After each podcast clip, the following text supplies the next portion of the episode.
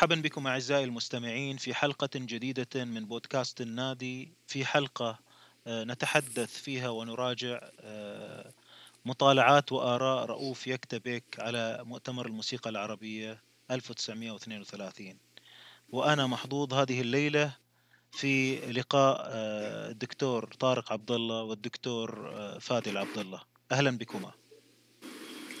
أهلا وسهلا بك في البداية إذا ممكن تقدمة بسيطة لكل شخص يعني شيء من السيرة. تفضل فادي. شكرا. أنا فادي عبد الله كاتب من لبنان شاعر ومهتم بعدد من المجالات في الحقوق والفن المعاصر واهتمام خاص بموضوع الموسيقى. عازف هاوي ولكن بحاول أتابع قدر الإمكان من خلال القراءات ومن خلال آه، النقاشات خصوصا مع طارق اللي يعني صرنا حوالي 20 سنة تقريبا نعرف بعض ونتناقش مع بعض و بتخيل هذا كان آه، أساسي بتطوير عدد من آه، الأفكار اللي كتبتها بكتب بشكل منتظم خصوصا بموقع معازف وفي أماكن أخرى. جميل. طارق؟ آه، مساء الخيرات على حضراتكم. أنا طارق عبد الله موسيقي وباحث مصري مقيم في آه، في فرنسا. وبسعد طبعا بصداقة آه، صديقي فادي عبد الله. واللي اتعلمت معاه حاجات كتير جدا من وقت ما اتعرفنا على بعض. وأحب أعترف إنه مفيش مقال أو فكرة لها علاقه بالبحث وهو لم يطلع عليها كده وابدى رأيي.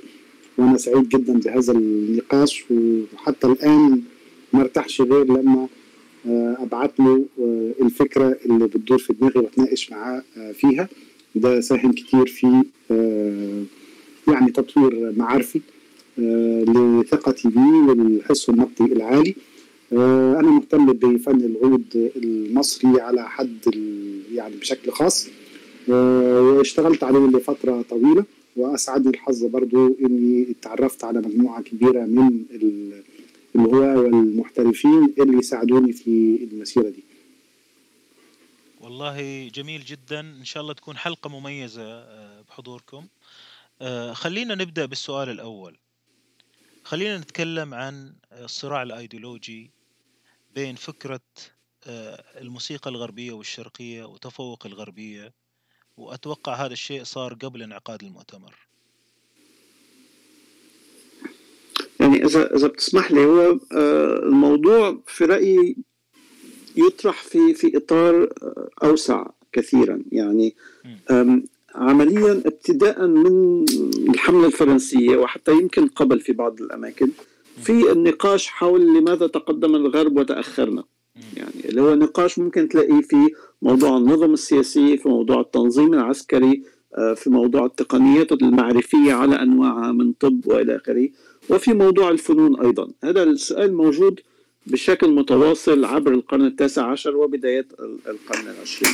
نعم. طبعا وجود الاستعمار فاقم من هذا آه، الموضوع لأنه آه، أحد مبررات اللي كان بيقدمها الاستعمار هو موضوع التخلف الحضاري بالمنطقة وبالتالي الحاجة إلى آه، تطويرها وترقيتها وحتى كلمة استعمار كانت لها علاقة بالإعمار مش آه، في الأساس يعني مش مش بالتخريب والتدمير نعم. وبهالإطار مثلا يعني آه، أحمد فارس الشدياء كان بمنتصف القرن التاسع عشر بيعمل مقارنة بين الموسيقى الشرقية والموسيقى الغربية. بس مقارنة كان بعد فيها قدر كبير من الندية من اللي آه القدرة على على القول إنه هن لديهم كذا وكذا وكذا ونحن لدينا كذا وكذا وكذا نعم. هن يمتازوا بهيك ولكن يخسروا هالجانب ونحن نمتاز بهالجانب ولكن نفتقد إلى الجانب الآخر إلى آخره من غير محاولات عند الشدياء تحديدا للتوفيق أو التلفيق ما بين آه أنواع الموسيقى المختلفة نعم. بس كان في ملاحظة لإنه هدول نوعين مختلفين وموجودين. في داخل مصر نفسها حتى من قبل ذلك كان في حضور لموسيقات للجاليات إلى جانب حضور الموسيقى المحلية. نعم. وبالتالي أهل البلد أيضا كانوا على اطلاع وكانوا على اختلاط بالبلغار والإيطاليين والشركس من ثم بعد ذلك الفرنسيين والإنجليز ووجود الأوبرا ابتداء من النصف الثاني من القرن التاسع عشر. فكل هذا طرح دائما السؤال حول آه، هل موسيقتنا قادرة على أنه آه، تقارن بالموسيقى الأوروبية؟ بالعودة إلى موضوع المؤتمر إذا بنحطه كمان بإطاره يعني المؤتمر 1932 نعم. بنفس الفترة تقريبا كان عندك آم آم كتاب عودة الروح لتوفيق الحكيم اللي ممكن نعتبره من يعني هو مش أول رواية عربية ولكن من أوائل الروايات التي تبحث في موضوع الشخصية المصرية والتمايز آه، يعني الهوية المصرية عن غيرها بمجال الرواية اللي اتكتبت على ما يقال سنة 27 ونشرت بعد ذلك بكم سنة نعم. كان عندك جماعة أبولو الشعرية اللي هي انتفاض على القديم ومحاولة تطوير الشعر بتأثير من المنطقية الأوروبية إلى آخره. كان عندك بنفس الفترة كمان بدايات الحركة السوريالية في مصر مع جورج حنين آه، وغيره. آه، فبالتالي السؤال حول أدبنا التقليدي العربي والأدب الغربي ما كيف ممكن نركب علاقة مختلفة؟ شو بناخذ وشو ما بناخذ بأصول الحكم كان في شيء آه، مشابه أيضا يعني حتى الجواب القديم من القرن التاسع عشر كان أنه نأخذ ما يناسبنا ويفيدنا ونترك ما يخالف قيمنا وتقاليدنا إلى آخره. نعم. فبالتالي كان جائز لنا أنه نأخذ تنظيم الموسيقات العسكرية بشكل الاوروبي، كان جائز أنه نأخذ تنظيم للحكم، تنظيم للجيش، تنظيم للإدارات، أفكار عن الطب، عن السياسة، السياسي بمعنى القضاء التابع للدولة مش القضاء الديني نعم. الشرعي. وهدول الدكتور آه، خالد فهمي كتب كتب مهمة جدا. في موضوع دخول الحداثة الأوروبية تحديدا بأشكال مختلفة وتعامل المجتمع المصري تحديدا بكتب خالد فهمي مع آه هذه الحداثة قبولا ورفضا ببعض آه الحالات. بهالإطار هذا موضوع الموسيقى تجديدها أو عدم تجديدها آه، تطويرها ترقيتها بالمقارنة مع الموسيقى الأوروبية كان مطروح. بجزء من الدعوة لعقد المؤتمر نفسه كان في حديث اللي كاتبه البارون ديرلانجي بالدعوة للمؤتمر أنه هدف المؤتمر هو ترقية الموسيقى في البلاد الناطقة بالعربية لأنها على وشك الانهيار بسبب آه، يعني استمرار الاعتماد على التقليد وإلى آخره. ف بهذا الإطار ببين واضح أنه في سؤال حول آه، هل فعلا في ضرورة لترقية هذه الموسيقى؟ يعني ترقيتها من أي ناحية؟ من الناحية العملية كانت هذه الموسيقى قد تغيرت بشكل كبير أصلا وابتعدت كثيرا عن التقاليد بسنة 32 يعني كان الأصبجي أنتج عدد كبير من المونولوجات شديدة التطور يعني كنت سامح أظن أنه هو تسجل في سنة 27 أو 28 يعني غالبا تلحن وتحضر قبل ذلك. نعم. آه كان محمد عبد الوهاب أيضا خرج من المعهد وخرج على المعهد ودخل في في إطار آه آخر. بسنة 32 كان أول فيلم ناطق يعني بطلنا بس عم نحكي عن المسرح الغنائي صرنا عم نحكي عن السينما الناطقة و إذا ماني غلطان تصور أول فيلم غنائي بسنة 32 آه، اللي هو الوردة البيضاء وعرض غالبا بسنة بالسنة اللي فيلم آه بعدها. فيلم نادر. بالتالي كان في تغيرات ضخمة. نعم. كان في تغيرات ضخمة حصلت في آه على صعيد الموسيقى. إنما السؤال كان على مستوى شرعية هذه التغييرات من الناحية النظرية وضرورة ترقيتها. فالمؤتمر من ناحية المضمون الموسيقي يبحث آه بالضبط عن هذا السؤال. هل ينبغي أن آه نرتقي؟ ولماذا ينبغي أن نرتقي؟ لأنه في نظرة إلى المركزية الأوروبية بسبب برأيي أنا العلاقة مع آه، مع الاستعمار تحديدا يعني سنة 32 بعد منها بأربع سنين كان في معاهدة الاستقلال مصر عن آه، بريطانيا. يعني كان ثورة 1919 خلصت ولكن أنتجت وعي عند النخب المصرية بضرورة الاستقلال وضرورة التميز وضرورة الرد على دعاوى التخلف الحضاري. فجزء من الدعوه لمؤتمر 32 كان هو إنه الموسيقى العربية وبالشكل الأخص الموسيقى المصرية هي قادرة على أن تكون آه، موسيقى بنفس القدر من التطور والرقي بحسب تعابيرهم يعني آه، كما الموسيقى الأوروبية. وهذا جزء من آه، جوانب الوقوف ندا مع المستعمر لتبرير أنه صار وقت أنه نستقل عنك بالإضافة إلى أنه فكرة الانتقال أنه نسمي هذا مؤتمر الموسيقى العربية بينما الغالب في التسميات قبل ذلك كان الموسيقى الشرقية، كان في استثناءات ولكن غالبا كان الحديث عن الموسيقى الشرقية. نعم. بهذا الإطار كان هو أيضا محاولة للتأكيد على مركزية مصر وأيام المملكة المصرية بالإطار العربي بعد فشل أحلام الخلافة آه، أو أو وراثة الخلافة العثمانية من خلال خلافة آه، تقوم في السلطنة المصرية ولكن تم استبدال هالشيء بفكره مركزية مصر في إطار آه، العالم العربي. فكل هذا يعني له علاقة بضرورات الاستقلال، ضرورات التميز، المركزية المصرية وضرورة شرعنة أو أو تشريع أهمية الموسيقى المصرية والعربية في عيون الأجانب كجزء من الرد الحضاري في مصر والبلاد العربية على آه، الاستعمار. فموضوع التجديد والتطوير في مقابل القديم هو موضوع غير منفصل بحقيقة الامر عن آه، آه، موضوع الرد الحضاري على الاستعمار. نعم. جميل جدا وشكرا على صياغة الفكرة بهذه الطريقة فادي. وبصراحة إحنا نشوف برضو على الجانب الآخر على الصعيد العملي آه، أن الموسيقيين كانوا بين على, على كلامك يعني وجود الجاليات بينهم الأجنبية وبين استخدامهم للآلات الأجنبية بين دخول المسرح واستخدامه. يعني هذه الأشياء كانت موجودة في الداخل على الصعيد المحلي بجانب الفكرة أو النموذج اللي أنت طرحته الآن آه، من الناحية الأخرى. نعم على الصعيد العملي إذا إذا بتطلع مثلا كان في إدخال لعدد من الآلات آه، الغربية بالتخت حصل أصلا في هذيك الفترة.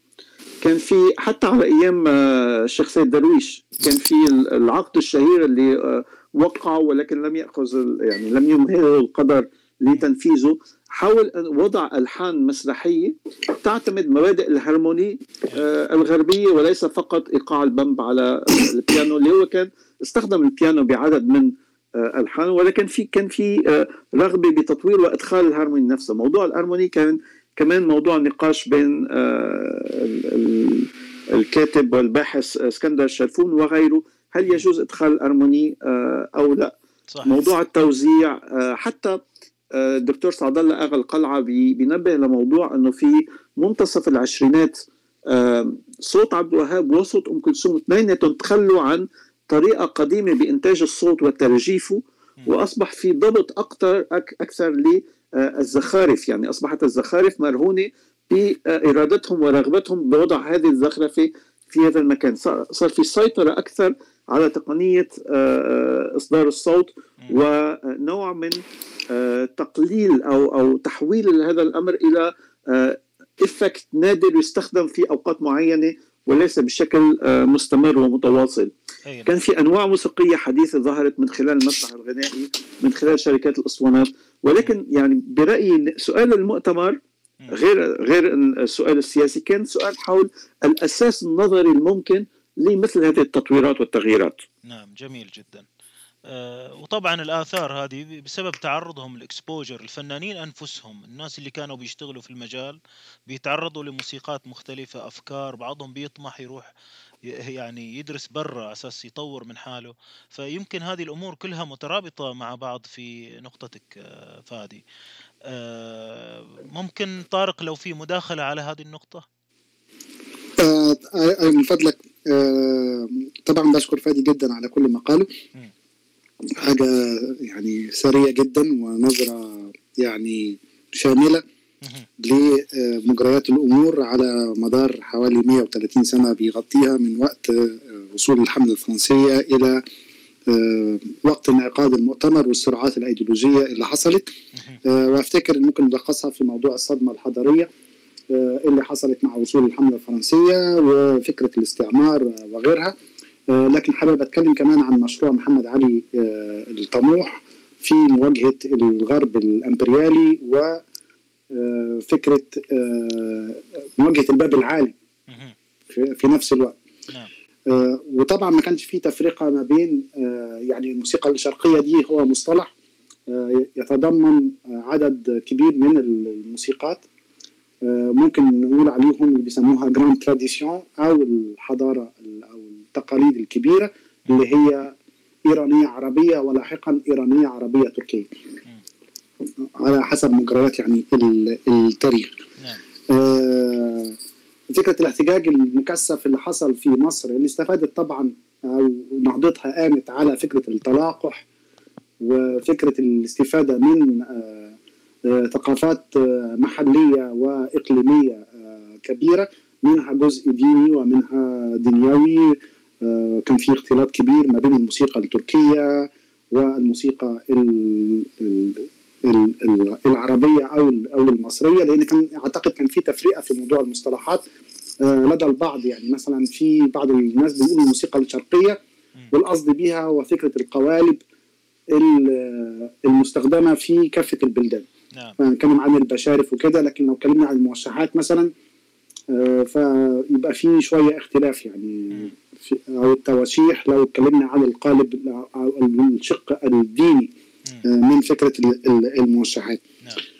آه، فكان في تفرقه ما بين الموسيقى الشرقية والعربية والمصرية عند عند البعض.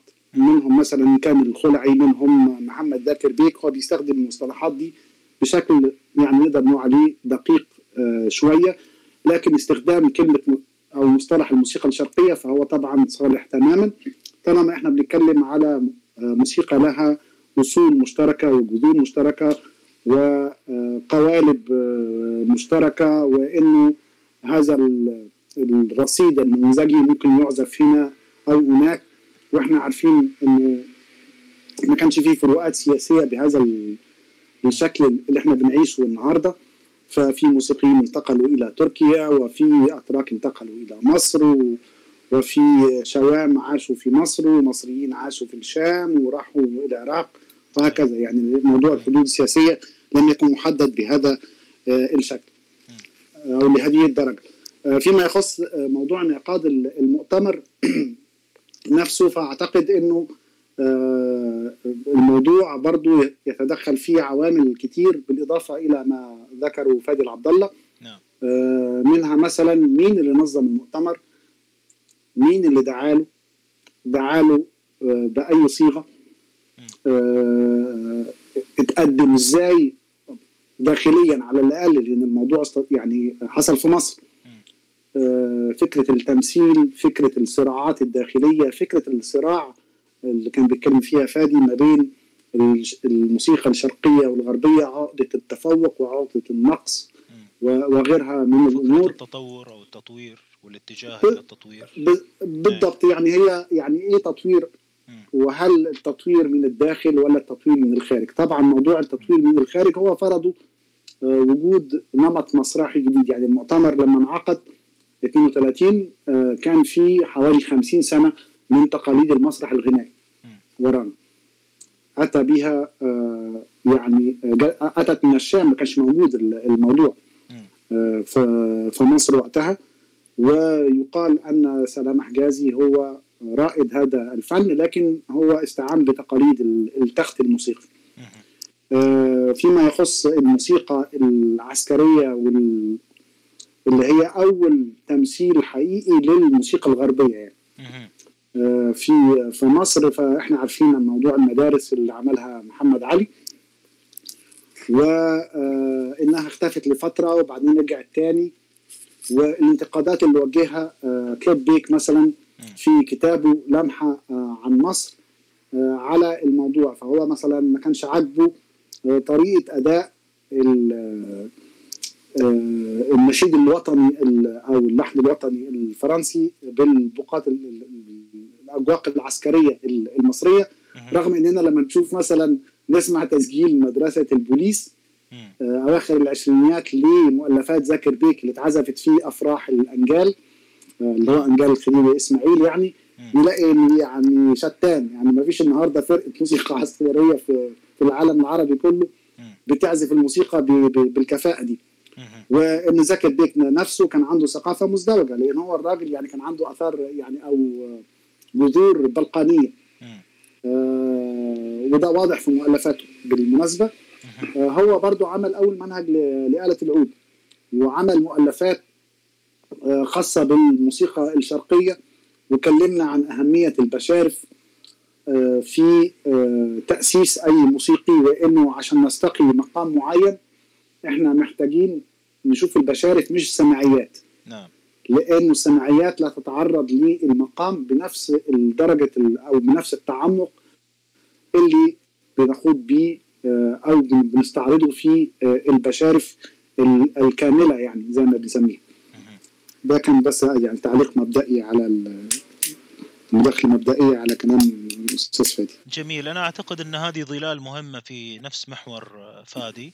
آه، السؤال اللي بعده يعني الآن نتكلم عن ما قبل المؤتمر. إحنا نعرف في فترة المؤتمر آه، صار في صراع بين الموسيقيين.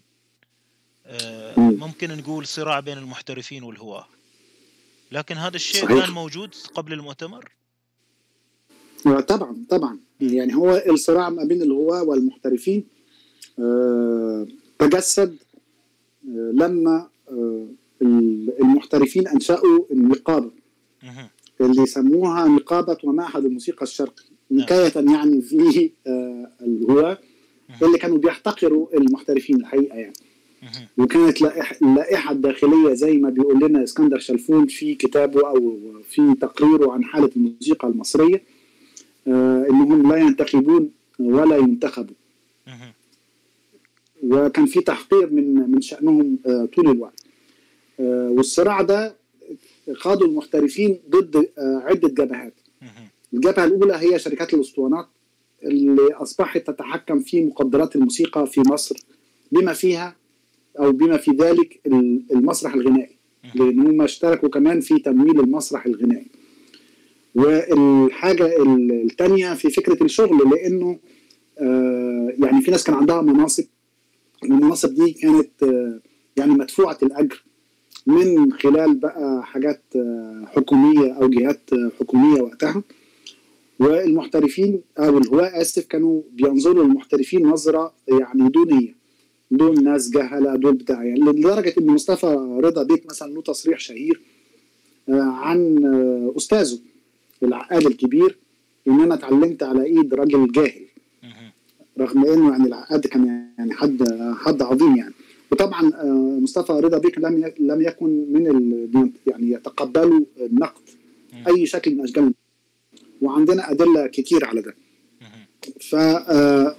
فالصراع آه، آه، أصبح يعني احتدم مع العشرينيات اللي شهدت يعني تطور كبير جدا بعد الحرب العالمية الأولى. وعودة فكرة عجلة الإنتاج الموسيقي. وتحولات كبيرة في آه، صياغة الأغاني وسيادة فكرة التأطوئة وأنماط جديدة من الموسيقى آه، في المنتج الموسيقي المسجل. نعم. اللي أصبحت يعني مصدر دخل عظيم للموسيقيين لا لا يوفره لا المسرح الغنائي ولا الحفلات الخاصة آه، في الأفراح وغيرها يعني.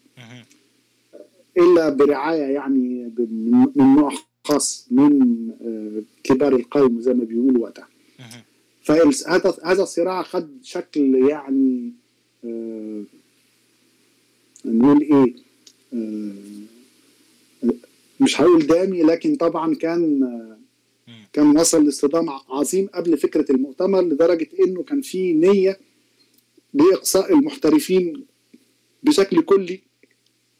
وتحقيرهم قبل آه، انعقاد المؤتمر بدليل إنه المحترفين لم يعرفوا عن المؤتمر إلا من خلال الصحف. طيب عندي سؤال آه، طارق لو قاطعتك شوية. مجرد آه، استفسار هنا. إحنا نقصد المحترف هو المنتمي للنقابة مثلا أو المعهد أو الشخص اللي بيعيش من الموسيقى. إيش كان معنى المحترف؟ إيش معنى الهاوي؟ الهواة دول هم يعني عموما في تعريفنا هذا؟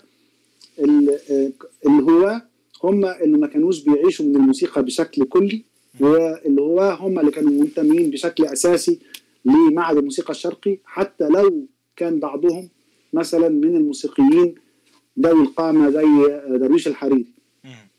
درويش الحريري مثلا كان أستاذ موشحات نعم. آه، في المعهد وكان معلم لصفر بيك علي وغيره. لكن بخلاف درويش الحريري لن تجد أسماء في معهد الموسيقى الشرقي زي مثلا كامل الخلعي اللي كان مندمج في المسرح الغنائي وكان بيألف أدوار كشعرا يعني. وكان ملحن حتى لو تم إقصائه يعني كان عايش على فكرة بس يعني كان يرتزق من الموسيقى. نعم إذا تسمح لي بنقطة طارق تكميلا لحديثك. برأيي أنه جذور الصراع بين الهواة والمحترفين لها علاقة بفكرة المعرفة أو العلم. يعني فريدريك لاجرانج بعتقد بأطروحته بشير للمفارقة بين بدايات تجديد الشعر مع بشوات مثل البارودي وغيره ومع وجهاء مثل خليل مطران وأحمد شوقي. اللي كانوا على اطلاع على أداب ولغات أجنبية وعندهم وقت وعندهم قدرة على ان يخصصوا يعني موارد لمجهود نظري إلى حد ما. نعم. والمفارقة كانت أنه الممارسين للموسيقى اللي يمكن يكونوا عباقرة ومهمين جدا في مجالهم إنما كان دائما منظور لهم أنهم ما عندهم ثقافة كافية بالمجالس العامة لأنه هن اطلاعهم هو اطلاع عملي فقط. وحتى يعني في أصداء للحديث حتى عن كامل الخلعي لما بيحكي عن موسيقيين آخرين ممارسين. الهواة اللي عم يحكي عنهم طارق هن إلى حد ما الأشخاص اللي كانت مواردهم الماليه أو مكانتهم الاجتماعيه بتسمح لهم بتخصيص جزء من من وقتهم ومواردهم لجهد معرفي نظري. فبصير إلى حد ما في نوع من تعالي على الموسيقيين الممارسين اللي هن بيفترضوا إنه ما عندهم اطلاع نظري على أو اللي كان ممكن نسميه بهديك الوقت على القصص العلمية للموضوع وهذا كمان يعني بنلاقي اصداؤه بمطالعات رؤوف تكيكتا اللي حنرجع لها بوقت لاحق بتعالي على الموسيقيين المصريين لأنهم لم يقرأوا كتاب العالم الألماني فلان أو ليسوا على دراية بالأسس الرياضية والنظرية لتقسيم السلم إلى آخره. وهذا بغض النظر عن إمكانياتهم العملية يعني هو كمان بيميز بين الممارسة العملية وبين الأساس اللي كانوا يسموه علمي واللي يرى أنهم مفتقرين إليه. صحيح. جميل. ممكن أعمل بس مداخلة بسيطة أكيد. على تعقيب فادي عبد الله يعني هتفق معاك في جزء وهختلف شوية في جزء بسيط لو تسمح لي. لأنه مثلا يعني لا سفر بيك علي ولا أمين بيك المهدي ولا مصطفى بيك رضا نفسه. كان عندهم معارف نظرية بالمعنى الحرفي للكلمة أو بما نفس المعنى اللي بيتكلم بيه رؤوف يكتا مثلا بيك. صحيح كان عندهم قدرة على ادعاء الثقافة أكبر. أيوه بالضبط كده. يعني ده هنا نتفق. هو كان في ادعاء في هذا الموضوع لكن طبعا أمين بيك المهدي كان واخد إيه كان عدم انحياز وما كانش بيتدخل في هذه المشاكل. هي المشكلة المشكلة إنه كان في استكبار يعني على الموسيقيين الهواة و... واتهامات بال... بالجهل. يعني قام بها شلفون قبله واسكندر شلفون طبعا وسفر بك علي في بعض تصريحاته لما اعترض الموسيقيين المحترفين على إنهم مش مدعوين. وطبعا هم اعتراضهم إنه كان إنه هم مش مدعوين بصفتهم كنقابة. فسفر بك علي قال لهم ما هم لو عارفين يعني لو يعرفوا إحنا هنناقش إيه في في المؤتمر ده. ما كانوش قالوا الكلام ده كله ده إحنا هنتكلم في تقسيم المقامات لأجناس وعقود والكلام ده كله. طبعا الاصابجي سخر من هذا التصريح. أي نعم. آه آه بشكل يعني آه في تهكم كبير. لكن ده واحد من الدلائل لدرجة إن حتى سفر بيك علي وقع في المأزق مع رؤوف يكتا بيك نفسه لما قال له أنهي منهجية أنتوا بتطبقوها في معهد الموسيقى الشرقي. وانت بتدرس إيه فتهرب من السؤال في, في, في, في اول مرة والموضوع اخذ حوالي 12 سنة عشان يطلع منهج يعني. أو كتاب لدراسة دراسة الاله لازم نتوقف عند هذه النقطة فيما بعد طارق. موضوع المنهج و12 سنة دي مهمة. آه ممتاز. آه الآن خلينا نخش في موضوع آه مطالعات وآراء رؤوف. آه إحنا نعرف أن تقريبا آه، من بعد المؤتمر آه، رجع رؤوف وشكر الحكومة المصرية على استضافته وعلى هذا الجهد وذكر الموسيقى المصرية بأنها أرقى ما هو موجود في الموسيقى العربية ثم يلي ذلك ما جاورها ويمكن انتقص الموسيقات الأخرى وبدأ يذكر بعض الآراء ويمكن نشر أول مقال من ثلاثين مقال في آه، بداية يونيو آه، في 32 يعني بعد المؤتمر بشهرين؟ بالضبط. تمام. وصراحة الثلاثين مقالة هذه يعني غنية جدا بملاحظات كثيرة. نستفيد منها إحنا اليوم ويمكن يستفيدوا منها الناس بعد المؤتمر في ذلك الوقت. لكن سؤالي هنا هل ذكرياته هذه اللي كتبها بعد المؤتمر مباشرة كانت توافق محاضر كتاب المؤتمر اللي شفناه؟ يعني الآن عندنا نصين. نص رؤوف وذكرياته ومذكراته وملاحظاته وانتقاداته وآراءه وعندنا نص المؤتمر والمحاضر. إيش رأيكم؟ آه طيب. هقول بس مداخلة. آه أولية أنا أعتقد إن في آه إن محاضر المؤتمر لا تعكس ما حدث من مناقشات بشكل بشكل كلي إنما لأنه حصل كتير من الخلافات والصراعات اللي جزء منها ممكن نستشفه من آه، آراء ومطالعات آه، رؤوف يكتا مع الأخذ في الاعتبار إنه آه، يعني هو بشر. فهو بيدلي براي شخصي. نعم. أو رؤيته هو الشخصية أو ما نعرفه عنه النهارده عن مجريات الجلسات. وعلشان نقراها بشكل آه، مضبوط لازم برضو ناخد في الاعتبار كل ما ذكرنا آه، من شوية أو كل ما سنذكر كمان شوية عن مجريات التحضير للمؤتمر وغيرها وهو كان مدعو في أي لجنة يعني تحديدا. وهو كان رئيس لجنة الإيقاعات والمقامات والتأليف الموسيقي. وكان عضو في لجنة التحكيم فقط لا غير من أصل سبع لجان. نعم رغم أن مداخلاته مثلا الأساسية ومعظم ملاحظاته كانت على موضوع السلم الموسيقي. ودي هو لم يدع له فهو يعني كان يعني بيعتبر إنه له أهلية أو شرعية أكثر إنه يكون جزء منها.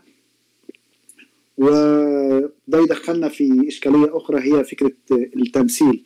يعني أو سوء التمثيل إذا إذا شئنا الدقة في موضوع الوفود آه، سواء من المحترفين أو من المشاركين في المؤتمر نفسه.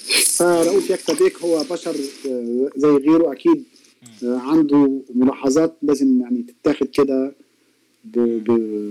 بحذر شديد وإحنا وإحنا بنقراها نعم. هو طبعا يقول ان عنده خبر عن المؤتمر قبل سنة من حدوثه. مقارنة بالناس اللي داخل الهواة والمحترفين اللي بعضهم سمع عن المؤتمر في قريب نهايته وبعضهم قبل بدايته بشوية.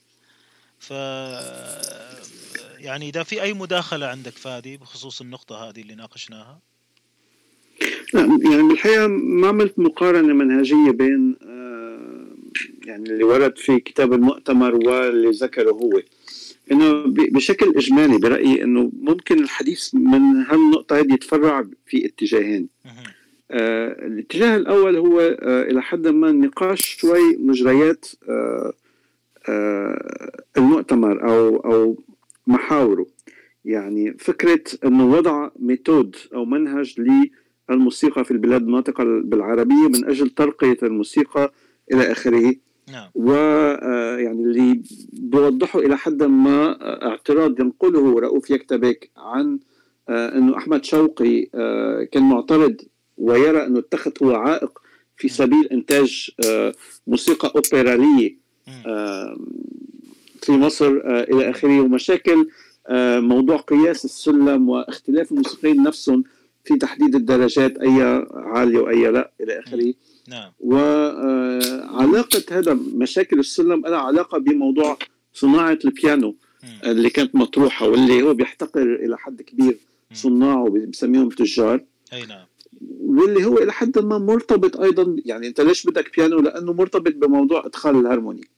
اللي هو بدخلنا لموضوع هل يمكن إنه ينعمل سيمفوني واوبرات بالعربيه وهل ممكن إنه نرقي هذه الموسيقى بدون آه أن يطرأ عليها بحسب ما ينقله رؤوف يكتا عن آه شخص اسمه زكي علي. دون أن يطرأ عليها خلل يشوه مزاياها وينقص من قيمتها الفنية ومحاسنها الأصلية، يعني نحن بعدنا بنفس النقاش لحديث اليوم، هل ممكن نرقي بدون ما نشوه وبدون ما نغير؟ آه يعني سؤال آه ضخم يتفرع منه كثير. ومغزى وجود الخبراء الأجانب ك يعني من جهة ينتقدوا انه هم جاهلين بهذه الموسيقى ومن جهة أخرى هم جايين نوع من حكم المباراة يعني. حتى نحكم إليهم لما يكون في في اختلاف لأنه هن اللي يملكون مفاتيح العلم اللي مش موجود عند الممارسين إلى آخره. فهذا جزء من من من يمكن ندخل في النقاش فيه هلأ اللي هو مجريات المؤتمر. والجزء الآخر أو الاتجاه الآخر اللي ممكن يتفرع عنه الحديث من هون هو موضوع رؤوف يكتبك نفسه بوصفه نموذج على عصره.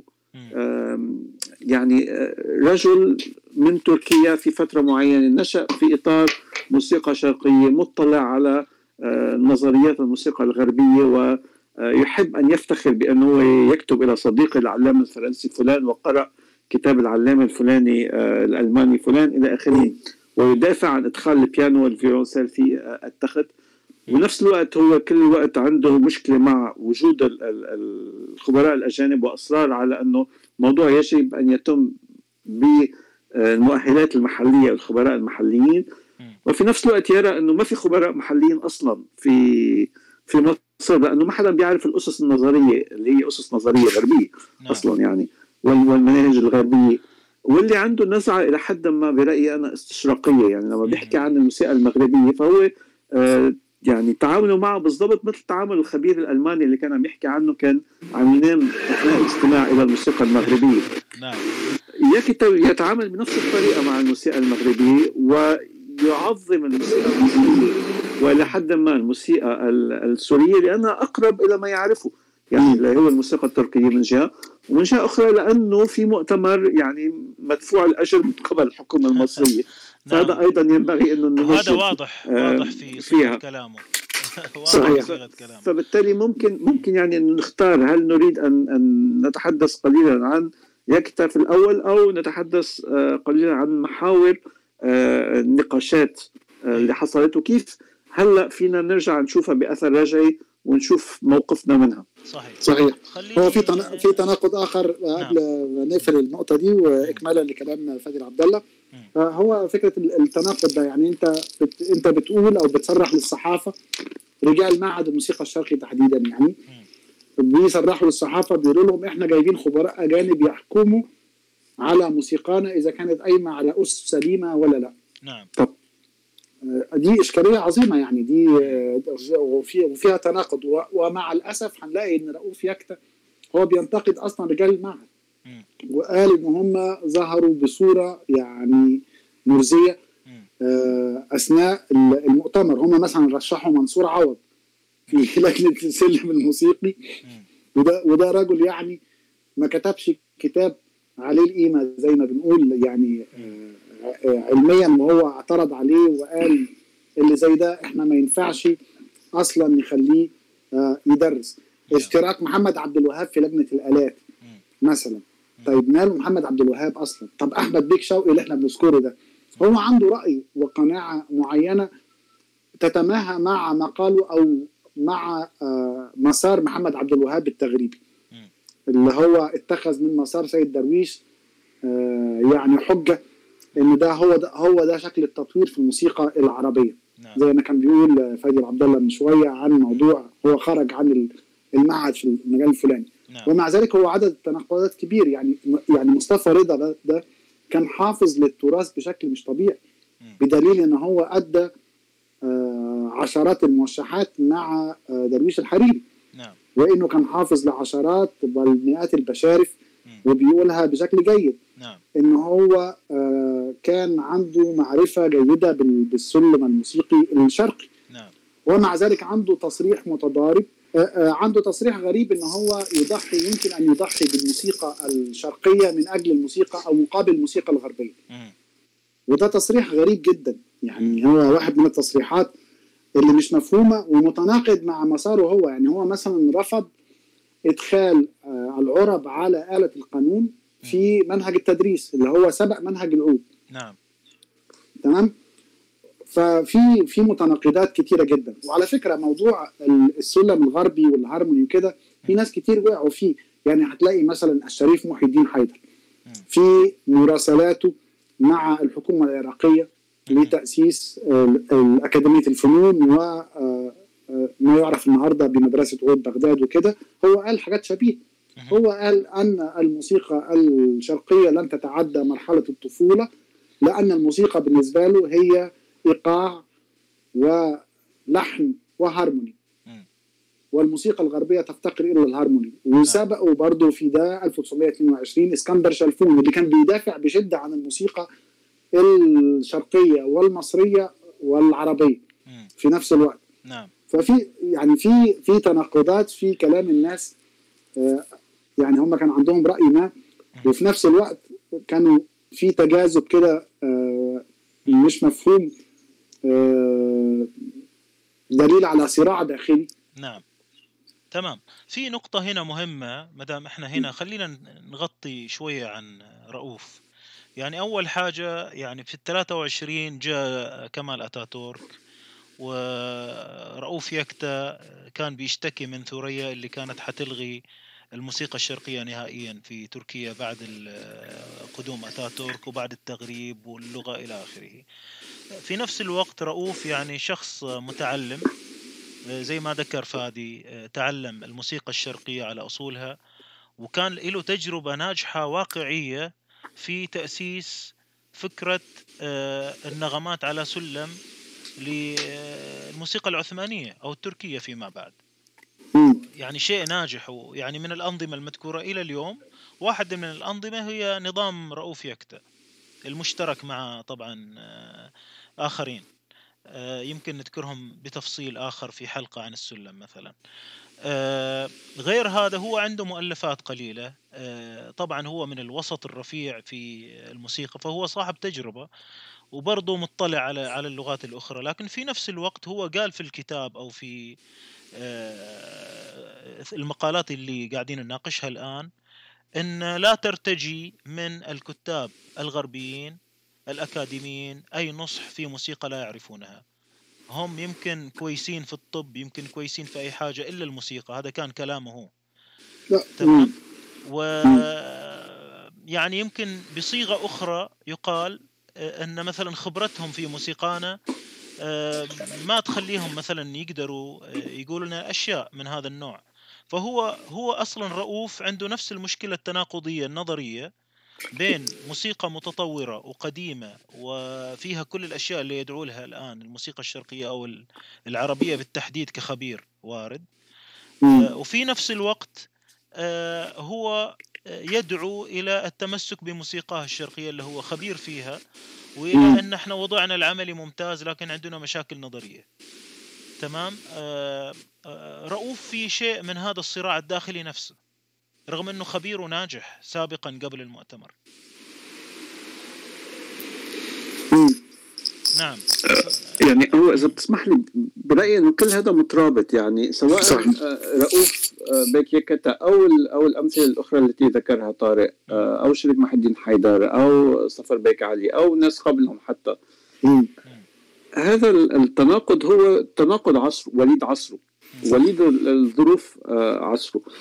واللي بي بيكرر إلى حد كبير عدد من النقاشات الموجودة بأماكن أخرى نعم يعني موضوع لماذا تقدم الغرب وتخلفنا نحن هذا أصبح موضوع شامل لكل شيء مش بس للموضوع العلمي نعم. أو العسكري نعم. هذا أصبح سؤال حضاري مطروح بكل مجال من مجالات الحياة نعم. من العمارة تغيير أنظمة العمارة اللي حصل لا تخطيط المدن لا فن الرسم لا فن الكتابة لا فن السينما لا فن إلى آخره مش بس في المسائل العسكرية أو الدولتية. فهذا السؤال مطروح. عن حق أو عن عن باطل الموضوع تاني. إنما نعم. السؤال كان موجود مطروح على هدول الناس محتاجين إنه يبرروا عنه. نعم. آه سؤال الندية تجاه آه الأوروبي. ينبغي أن نثبت أنه نحن أنداد لهم. نعم. بس من سوف يكون الحكم؟ بهذه الحالة. نعم. الحكم حيكون هن نفسهم بدليل إنه رؤوف بيك يكتا اللي هو عم ينتقد الخبراء الأجانب هو نفسه بيستشهد كل وقت بكولونجيت وغيره. نعم. آه بقلب هذا الإطار في فكرة إنه نأخذ ما يفيدنا ونطرح ما آه يتعارض مع تقاليدنا. طبعا هذا الحكي يعني آه سهل كشعار وفي ناس كثير ممكن تردده بس عمليا باللحظة اللي أنت سوف تأخذ تقنية أو منهج علمي أو فكرة ما هيدي لها تبعات ولها تأثيرات سوف تغير بشكل أو بآخر بالتقاليد. ما فيك تستمر بالتقاليد آه، القديمة إذا أدخلت تقنية جديدة. في شيء بده يتغير. حجم هذا التغيير مطروح للنقاش. ممكن نناقشه. هل مفيد؟ هل هو مضر؟ صحيح. ولكن فكرة إنه ممكن نأخذ شيء بدون ما ندفع ثمن لهذا الأخذ نعم. آه فهد يعني أو نعرف بس هي نعرف نعم بس بس. بس هي الفكرة صحيح بس نعم. هي الفكرة اللي كانت شائعة إنه ينبغي أن نأخذ ما يفيدنا بحالة رؤوف بيك يكتا وبحالة الآخرين في مضمون يعني في رفض للآخر الغربي واحتكام له ومضمون داخلي مأخوذ عنه يعني نعم. رؤوف بيك يكتا في كل الأماكن اللي بيجاوب فيها على آه، أسئلة ما ما العمل شو لازم نعمل هلأ. بيجاوب أجوبة أوروبية. يعني إنشاء أكاديمية آه، تحليل آه، musicologie آه، تثبيت لدرجات السلم بشكل واضح وممنهج وثابت بالنظرية. ومنهج. إدخال إيه. إدخال آلات مثل البيانو والفيولونسيل. السماح بتعدد الممارسات الموسيقية بحيث يكون عندنا أوبرا عربية إلى جانب الميوزك هول وإلى آخره. فالرد اللي هو عم يقوله هو رد إنه نحن لازم نعمل هالشيء بس الشيء اللي لازم نعمله هو آه، يعني السير على خطى ما يسميه اللي كانوا يسموه بايامه عموما مش هو بس أيه. العلم. أيه. والعلم هو العلم آه، الأوروبي اللي هو قادر على وضع آه، مناهج واسس نظرية إلى آخره إنما ينبغي إنه نركبها على ما ما يلائم الموسيقى تبعتنا نعم. هنا نقطتين هذا السؤال. نعم. فادي يعني ولا أقاطعك. نعم. آه، أنت ذكرت شيء مهم برضو من تناقضات رؤوف يكتا في حتى في كتاب ذكرها أكثر من مرة. بالنسبة لموضوع الاحتكام كان أحيانا يحدث آه، مثلا كولانجيت أو آخرين بشيء معين على أساس يقولوا في في وقت الاحتكام أو وقت آه، ختام الجلسة أو الحكم النهائي. فهو نعم. دائما يقول إن أنا عندي سيطرة وعندي خشية من شيء أو عندي آه، خلينا نقول تخادن مثل ما اسم الجريدة مخادنة بحيث انه يقنع الأجنبي صاحب الرأي الأعلى اللي راح يحكم في الأخير برأيه هو يعتقد فيه. تمام؟ آه في صراحة نقاط كثيرة جدا ملاحظات كثيرة جدا في آه الكتابات هذه. آه تعقيب أخير على. على النقطة السابقة. موضوع الإصلاح في السلم الموسيقي التركي هو سابق أصلا لرؤوف يكتبيه يعني نعم. وتغيير موضوع الدرجات وفكرة التثبيت هي طبعا فكرة يعني مش ملائمة قوي. آه، حتى هو بينقدها في من خلال الكتاب أو في ارائه ومطالعاته وإنه آه، الحاجة الثانية إنه المؤتمر لم يكن له أن يوقف مسار التغيير اللي حصل؟ سيبنا من الموضوع ده تطوير أو أو تخلف أو تغريب أو بتاع. كان في مسار مستمر بقاله آه، بضع عشرات من السنوات لم يكن لأحد أن يوقف آه، هو بيتكلم في موضوع الخبراء الأجانب إنه آه، هم تمت دعوتهم وهو استنكر هذا الموضوع وقال إن الخبراء الأجانب اللي لهم علاقة بالاستشراق كانوا جايين يشوفوا هل آه، اللي إحنا قريناه في مؤلفات الفارابي والأرموي وغيرهم مطابق لأحفادهم نعم. بشكل أو بآخر ولا ولا لأ؟ آه، وحاجة تانية فيما يخص موضوع الآلات الموسيقية ومين رفض إيه.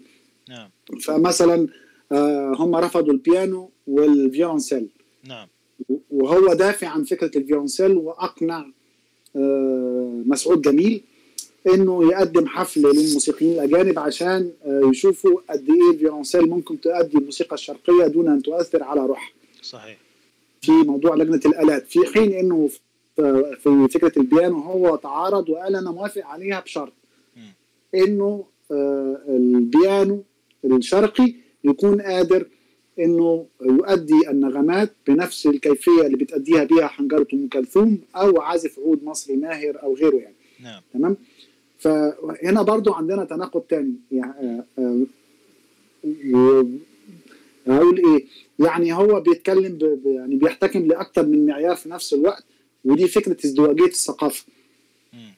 يعني بيفكر بقى نتفهم لو صار هذا الشيء في حوار شفهي لكن العجيب إن هذا الشيء مكتوب بعد ما انتهى المؤتمر وكان في فسحة من الوقت وصفاء ذهني إنه يكتب الأشياء هذه. غريب إنه ما كان بيناقش نفسه يعني في نفس الكتاب أو أو هو رؤوف يكتبك مات سنة 35 مم. يعني الراجل بيكتب الكلام ده في أواخر حياته يعني. مم. نعم. هو هو عاصر مشكلات في المؤتمر آه، خلال المؤتمر.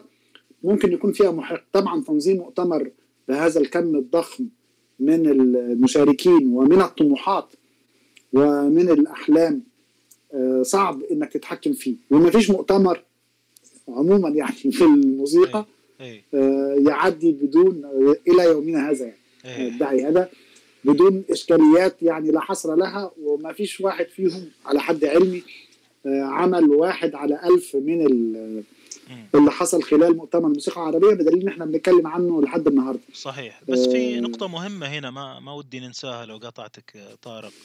برضو ذكرها فادي قبل لحظات هي موضوع فكرة العلم. يعني إحنا بنتجاوز لما نقول إن الموسيقى علم أو الفقه علم أو الأدب أو اللغة علم بمعنى ساينس وهذا الشيء واضح بالنسبة لنا اليوم. ولذلك مثلا القصبجي كان يقول آه، بخصوص الأسئلة آه، أو آخرين يعني لما نشوف الناس اللي كانت تتكلم في ذلك الوقت بعضها حتى ما يذكر المؤتمر نهائيا. مثل مثلا السيد المويلحي أو آه، عزيز أحمد فهمي. تمام؟ أو إبراهيم حجاج أو غيرهم. آه. أي هم لما يتكلموا بيتكلموا عن موضوع أو مثلا مثل ما قال القصبجي عن أسئلة أهم. مثل مثلا كم من الوقت راح يستغرق آه، متعلم الموسيقى أن يتعلمها. أو إيش راح لا حتى حتى لا حتى يصبح خوجة. كان السؤال. آه. إيه. لحد ما يصبح أستاذ ده هو استنكر هذا السؤال يعني. بالضبط. م. تمام. ولذلك يعني الموضوع هذا يمكن يحل ببساطة شديدة. لما نتكلم عن السلم أو عن النغمات والأبعاد اللي كانت موضوع مطروق قديما يعني من الأرموي آه، موجودة الوثائق بس ما سمعناها ما نقدر نسمع النغم. واللي سواه رؤوف والناس اللي اللي سبقوه واللي في وقته إنهم اعتمدوا على أصدقاء ومختصين في الفيزياء. وقالوا له هذه إيش ونقيس هذه؟ وكتبوا الأبعاد وشافوا إن الموضوع هذا عملي بشكل ما حسب المنهج اللي وضعوه. آه، يمكن نكتفي بهذا القدر في موضوع آه، آه، موضوع السلم موضوع الأبعاد. والنقاش يعني موجود وكرر يعني كثيرا. أنا محتاج بس أفهم موضوع كلمة علم دي أو استخدامها. هل الاعتراض على فكرة العلوم البحتة والعلوم بالضبط. الإنسانية؟ اي آه. يعني يعني مثلا هو لما ذكر مثلا الأجانب ما تستطيع تستفيد منهم في موضوع فهم الموسيقى تبعنا. وقال الطب ممكن. وهذه كلمة عبد الوهاب نفسه استخدمها فيما بعد في ما يسمى بمذكراته الأخيرة عندما قال آه، كلمته الشهيرة العلم لا وطن له أما الفن فله وطن. وعبد الوهاب ناقضها عمليا طبعا. فهذا هذا المعنى ان إن الفن محلي. العلم مثل الطب مثل الفيزياء مثل يعني ما يحتاج إلى أن يكون آه، محلي. آه، خلينا نتوقف شوية عند فكرة الميثود اللي آه، يمكن من أكثر الأشياء. يعني رؤوف يكتا خرج من معضلة السلم قال يا أخي اعملوا لجنة موسيقية. آه، إيش سماها شباب؟ يمكن لجنة أو معهد. أكاديمية أكاديمية أو مجمع مجمع موسيقي مجمع أيوة. موسيقي أو مجمع علمي موسيقي. وريحونا من موضوع السلم وناقشوه بعدين. تمام؟ بس المنهج يعني هو نتوقف هنا عن فكرة المنهج. أنا صراحة ما استوعبت إيش المنهج اللي يدعو له رؤوف. تمام؟ خصوصا نعم. إن لما نقول منهج معناها لازم نسأل منهج لإيش؟ غناء موسيقى موسيقى أي آلة أي أسلوب؟ هل هو أسلوب مثلا هذا النوع من الموسيقى المدنية أو الفلكلور أو آه، موسيقى دينية آه، هو يقول لازم يكون لكل موسيقى منهج آه، يأخذ في عين الاعتبار أساسيات هذه الموسيقى ومنها لغتها يعني. فهذا الموضوع كان جدا عمومي في في كلام رؤوف سواء في المؤتمر أو في الصحافة أو في الكتابات تبعه يعني. ويمكن لو يعني اختصارا لموضوع فكرة المنهج وتعريف المنهج إحنا نعرف إن المنهج يوضع للأشياء التخصصية اللي ذكرناها مثلا آلة معينة لنوع معين جنرا معين من الموسيقى لعصر معين. هل هو لطلاب مبتدئين أو مختصين؟ يكون بروجريسيف يعني عبارة عن تشكيلة من القطع وليس تجميعات يعني مجرد تجميع تلفيق أشياء في كتاب. وتكون تدرجية وتعلم الشخص آه، الفكر الموسيقي والنظريات والتقنيات والمهارات وتخليه يستطيع أن يستقل. مع ضرورة طبعا وجود الأستاذ والمجتمع الموسيقي إلى آخره يعني لا يستقل المنهج بذاته يعني. آه هذا متفقين عليه لكن ما في أي أثر إلى أي تطوير إلى فكرة المنهج خلال المؤتمر أو وجهة نظر رؤوف؟ هو إذا بتسمح لي يا فاضل آه السؤال مش منفصل عن سؤال العلم نعم. يعني إلى حد ما سؤال العلم هو سؤال إنتاج الميثود. نعم. حوضح لك آه، شوي. نعم. إذا بنشوف يعني المواقف المعلنة أثناء المؤتمر بحسب ما نقلها آه، رؤوف يكت كان في موقف فرنسي بيقول إنه الممارسين حرين يشتغلوا بالطريقة اللي بدهم إياها. نعم. ففي حرية مطلقة للفنان وهو يقرر كيف بده يشتغل. نعم. في مقابل آه، مستشرقين آخرين غالبا ألمان وغيرهم من النوع اللي أنه ينبغي أن تحافظوا على موسيقاكم الشرقية كما هي وألا تغيروها وألا تعدلوها والا تفقدوا. ميزاتها وفي مقابل موقف ثالث من الشرقيين نعم. اللي هو موقف أنه نحن نريد أن ترتقي موسيقانا. ما بدنا أصوات هزيلة ما بدنا آلات هزيلة ما بدنا آه يكون في نقص لموضوع تعدد الأصوات مثلا أو غيره. آه لماذا لا يكون لنا سيمفونيات وأوبرات وإلى آخره؟ هذا السؤال كان موجود عند الشرقيين. نعم. الجواب عند الغربيين كان جزء منه إنه لا خليكم مثل ما أنتم وجزء ثاني إنه أنتم حرر اعملوا اللي بدكم إياه. الكلام الشرقي المصري والشرقي عموما كان يفترض أنه إذا أخذنا العلم عن الغربيين فسوف نكون قادرين على ترقية موسيقانا. أوكي؟ المشكلة وين؟ المشكلة طبعا في مشكلة في تعريف كلمة العلم بين العلوم البحتة والعلوم الإنسانية نعم. آه اللي ذكرتها أنت وطارق. وفي مشكلة بالنسبة لي بين اعتبار العلم حكم على الممارسة واللي هو خطأ. بكل نعم. بساطة يعني ما العلم يكون هو الحكم ولكن ممكن حتى في مجال الموسيقى انه نطور مناهج علمية بحسب يعني مفهوم العلوم الإنسانية لحد كبير بس ممكن تكون إلى حد كبير دقيقة نعم. ومفيدة. إنما دقيقة ومفيدة ليس في الحكم على الممارسة وإنما في فهم الممارسة. ففي ممارسة هي سابقة على على النظرية بدنا نشوف شو اللي عم يصير فيها ونحاول نفهمه ونحلله. نعم. مش آه، آه، نطبق نظرية سواء جاية من الغرب أو جاية من القرن الثاني عشر ونحولها إلى قانون لأن الممارسة دائما سابقة. فالسؤال آه، العلم هو نفس سؤال ال method. يعني السؤال اللي كان عند الشرقيين واللي عبر عنه للمفارقة البارون ديرلانجي هو إنه ينبغي أن نعمل على ترقية الموسيقى في البلاد الناطقة بالعربية لأنها على وشك الانهيار. نعم. كيف يتم ذلك؟ بحسب كلام البارون ديرلانجي من هو من خلال إنتاج method للموسيقى في البلاد العربية. صحيح. فسؤال آه، رؤوف بيك يكتا هو مش السؤال اللي هو طرحه يعني موضوع ال method هو موضوع كان موجود بالأسئلة المطروحة على أعضاء المؤتمر. صحيح. فهو بس كان عم عم يعيد التذكير فيه. صحيح. وأهمية موضوع السلم وغيره بتجي من ربطة بموضوع ال method. يعني الحديث هون مش عن منهج لآلي آه، بالحقيقة الحديث لما كانوا عم يحكوا عن ميثود غالبا إذا بدنا نقربه على على كلام ومصطلحات عصرنا هو إنه كانوا عم يبحثوا عن ما هي النظرية الموسيقية المشتركة بين كل الآلات. يعني نعم. في الممارسات الموسيقية الموجودة في البلاد الناطقة بالعربيه واللي موضوع يعني نظريات. شبه تعجيزي شبه يعني تعجيزي. يعني بس هذا كان السؤال. هذا كان السؤال لأنه إذا إذا توصلنا إلى الأسس النظرية يعني مثلا حصر لدرجات السلم وتثبيت لها نعم. حصر للإيقاعات حصر للمقامات وطرق السير فيها. حصر للقوالب. حصر للتراث الموجود حتى وقتهم ذلك نعم. وشغل على تصنيفه وتبويبه وترتيبه. الخروج من كل ذلك بنظرية موسيقية تعبر عن ما هي المميزات الخاصة بهذه الموسيقى. ممتاز. ومن ثم ممكن إنه نطور بعدين كيف تدرس هذه الموسيقى للصوت أو لهذه الآلة أو لتلك الآلة.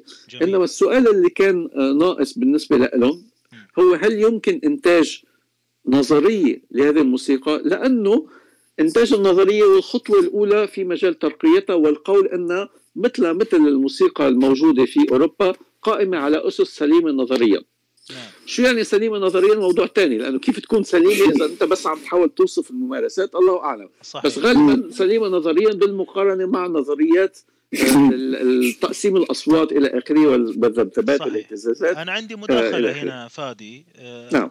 يعني جميل جدا أن ال method وصلنا إلى اتفاق أن ال method المعني هنا في النقاش هو النظريات. تمام؟ ورجوعا إلى موضوع علم ولا علم نختمها بكلمة واحدة هي الخبرة. الخبرة أو التنظير خلينا نقول التنظير اللي نقدر ناخذ منه الواقع ونحوله إلى نظرية اللي في النهاية راح تنتج نظريات. وأساسها طبعا السلم والأبعاد. في نقطة أثارها آه، طارق في نقاشنا للمحور الثاني. لي مداخلة فقط على موضوع المناهج والمنهجيات ورؤية آه، تفضل يعني بس يكتبك أنا أنا أعتقد إن طول الوقت إحنا عندنا مشكلة في مشكلة خلط المصطلحات ما بين فلسفه تعليميه ومنهجيه ومنهج نعم. وفلسفة دي بقى زي مثلا كوداي أو كودالي اللي البعض بيعتبرها منهج أو منهجية في حد ذاتها.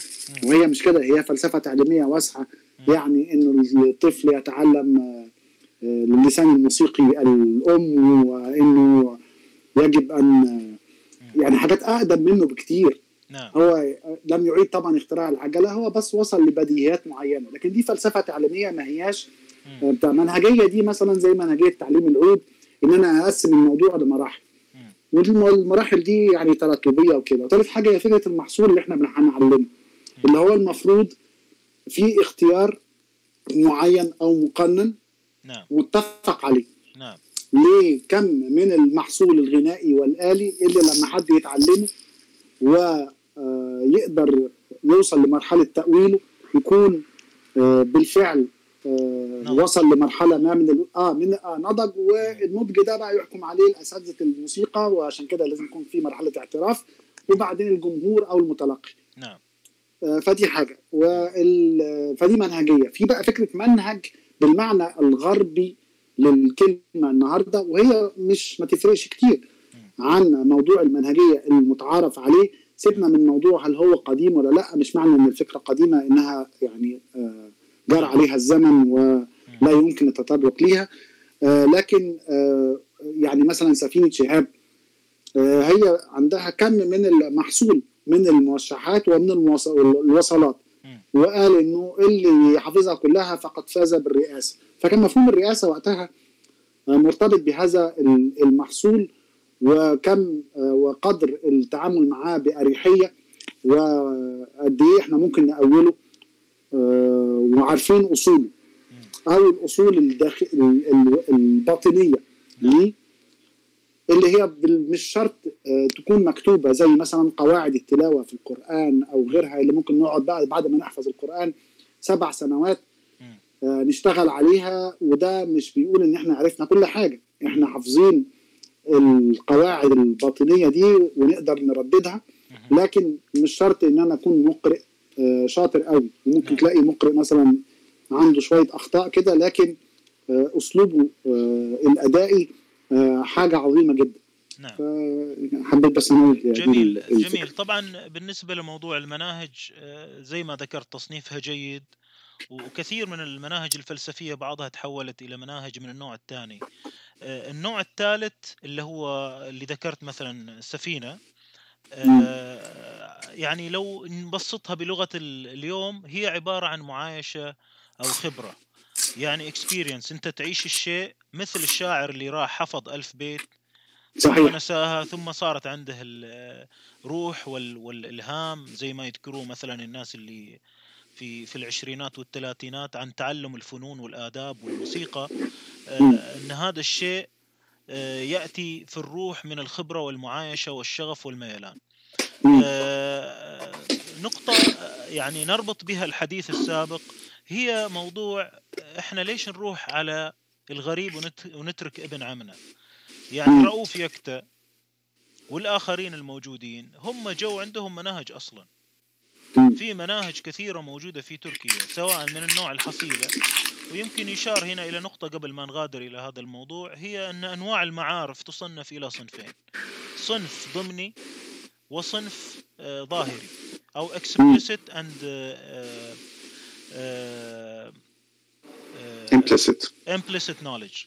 فالنوعين هدول النوع الظاهري يمكن كتابته بشكل عام والامبلسيت لا يمكن أو الضمني لا يمكن كتابته. ولذلك إحنا مثلا نخلي مثلا الطباخ أو الموسيقي أو الأديب أو غيره يعيش التجربة. الآن نروح إلى نقطة أبناء العم والأجانب. أنت يا رؤوف آه، عندك مناهج جاي من من تركيا أو من الدولة العثمانية سابقا. عندك مناهج كثيرة وحصيلة ضخمة من ترتيب الفكر النظري والعملي والمشق والتعلم الموسيقي والأشياء هذه نضجت والناس قاعدة تتعلم منها. تعرف المقامات من خلالها والإيقاعات والتجويد والضغوط وكل حاجة. آه، بأي طريقة كانت عمليا. لكن المنهج حتى مكتوب. ليش إحنا نروح ناخذ المنهج الأوروبي؟ اللي لغته أبعد علينا. التقاليد والعادات والثقافة أبعد. وإحنا نقدر نستفيد من منهج قريب منا. ومن تجربة من نفس العائلة المقامية.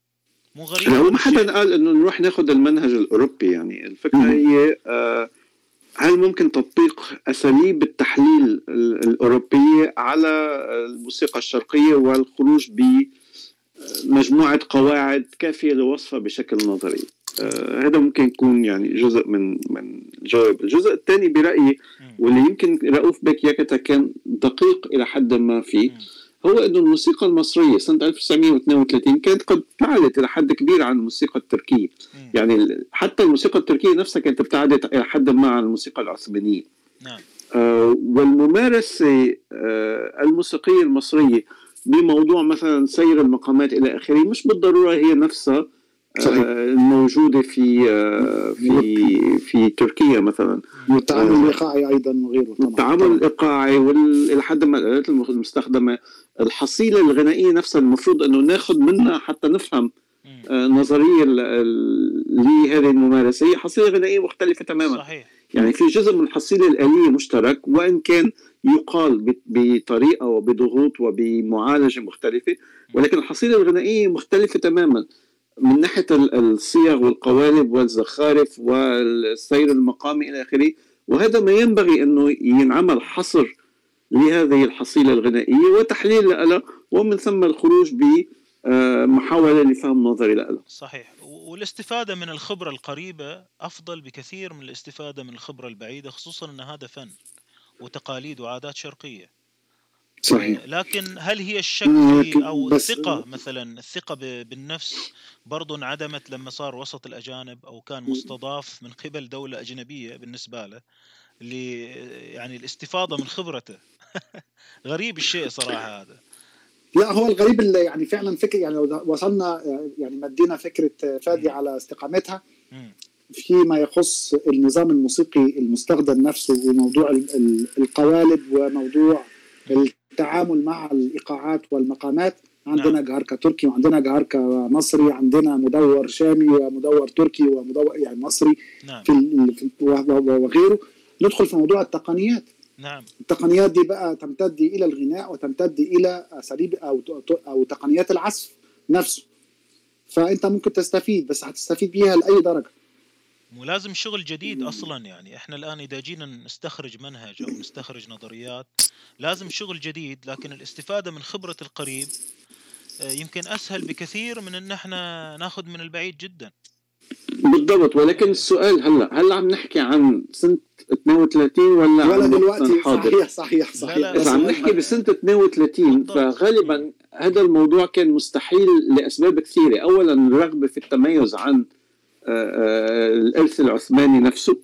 وثانيا لأنه بهذاك الوقت تركيا ما كانت معتبرة أنه هي حكم يصلح لأنه يعني للحكم علينا أو لأنه نتعلم منه لأنه أوروبا هي اللي كانت الحكم ومركز العالم. نعم. أما إذا عم نحكي عن في الوقت الحالي الراهن هلأ فقد يكون نحن عندنا قدرة أكبر على أنه آه، نعمل مقارنات مع تقاليد موسيقية أخرى سواء تركية أو آه، يعني عثمانية للدقة أكثر آه، أو أو أوروبية أو غير ذلك ولكن في النهاية يعني السؤال هو أنه هل فعلا في جهد نظري لإنتاج مثل تحليل ضخم لحصيلة ضخمة. محتاج فعلا جهود أكاديمية صحيح. متخصصة وليس جهود أفراد يعني. جهود دولة. بهذا بهذا الإطار يعني المساهمة في الاستفادة من النظريه التركيه قد تكون واحد من روافد كثيرة ممكن نستفيد منها. صحيح. نعم.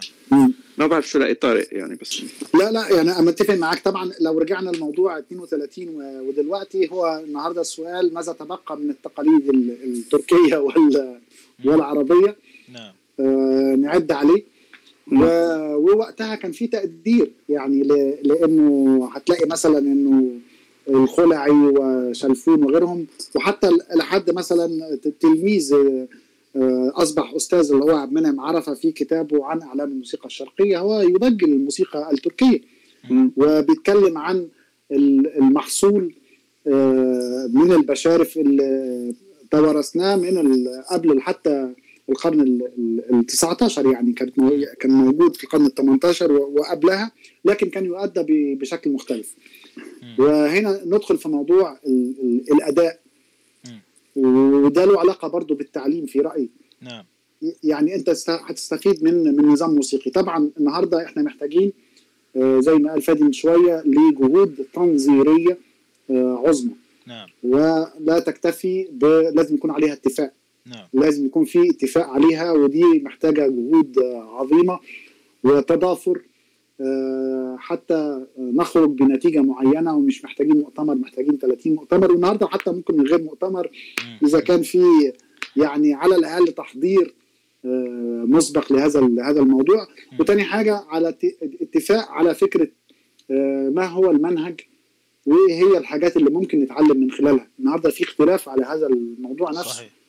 يعني إحنا بنعلم إيه وإيه الموجود في المناهج. إحنا بناخد من كل فيلم أغنية ونحطه في كتاب. ونحط كلمتين نظريين نعم. آه في البداية مع آه مقدمة عن النوتة الموسيقية ونقول على ده منهج وإنه اللي يعزفه هو فاهم موسيقى. لكن ده طبعا كأنك جمعت يعني أشعار من أماكن مختلفة وبلغات مختلفة ولهجات مختلفة وحطيتها في كتاب وخليت حد يحفظها. صحيح. وبعدين تقول له يلا قول لي شعر.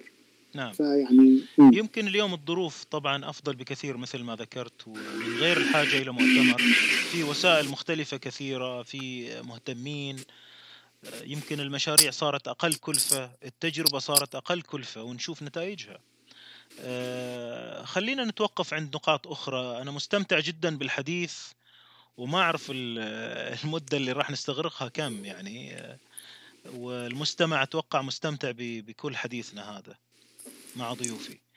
آه خلينا نتوقف عند آه رؤوف. هل نأخذ ملاحظاته هذه بكل براءة؟ كيف كان يشوف المشاركين؟ آه العرب والفرق والأشياء هذه. كيف إيش إيش اللي أنتم شفتوه من خلال الكتابات؟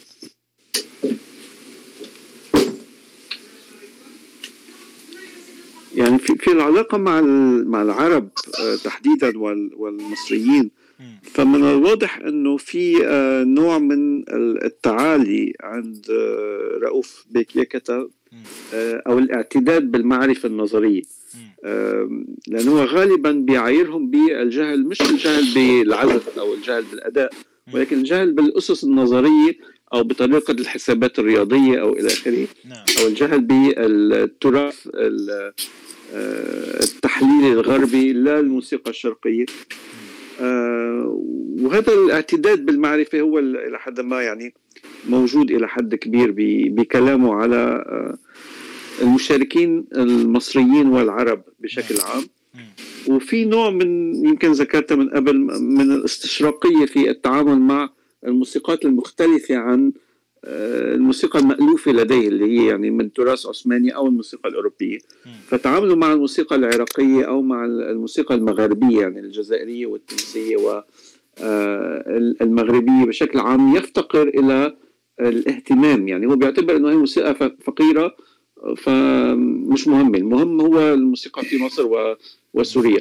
نعم. بس الحقيقة اللي بنعرفها نحن هلا إنه لا بالعكس يعني هذه موسيقات على قدر كبير من الثراء والغنى والتنوع والتعقيد وتاريخ طويل وراها سواء في العراق أو في آه، بلاد المغرب العربي يعني ولكن كان في آه، عجز منه على التواصل معها نعم وأحكام قاسية يمكن حتى على العراق نعم. يقول لك انهم تبع للفرس والموسيقى نعم. الفارسية بينما هو يعني ما يعرف مثلا صيغة المقام العراقي وأنواع نعم. الموسيقى الأخرى في العراق آه، الموجودة وتسجيلاتها ما كانت غايبة يمكن بس يمكن عدم آه، اطلاع بس أحكام صحيح. جاهزة. تفضل.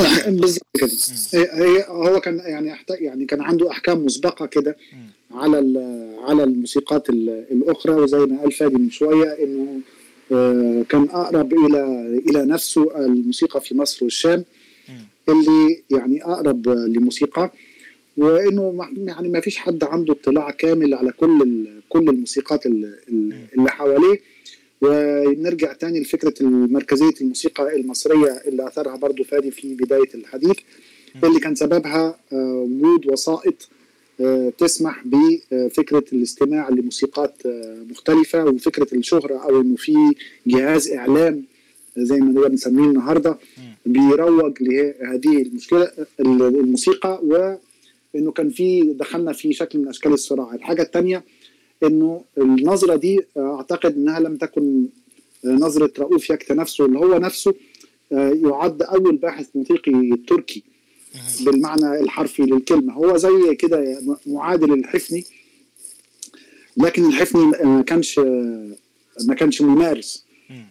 آه، وبالتالي وكان يعني يمكن شخصيته مختلفة شوية فالتزم الصمت واشتغل في حاجات تانية. آه، في حين إنه آه، يكتبيك كان ويكتبيك زي ما بيقول فادي هو كان نقول إيه يعني موسيقي مؤلف له حوالي 50 مؤلف بالكثير في حين إن إحنا ممكن بيقول إنه له 400 مقال. آه وبالتالي إحنا لازم نشوفه في ظرفه آه ونشوف هو كان بيفكر في الموضوع إزاي. وثالث حاجة هو آه دعوته على للمؤتمر. تمت في في أنهي ظروف.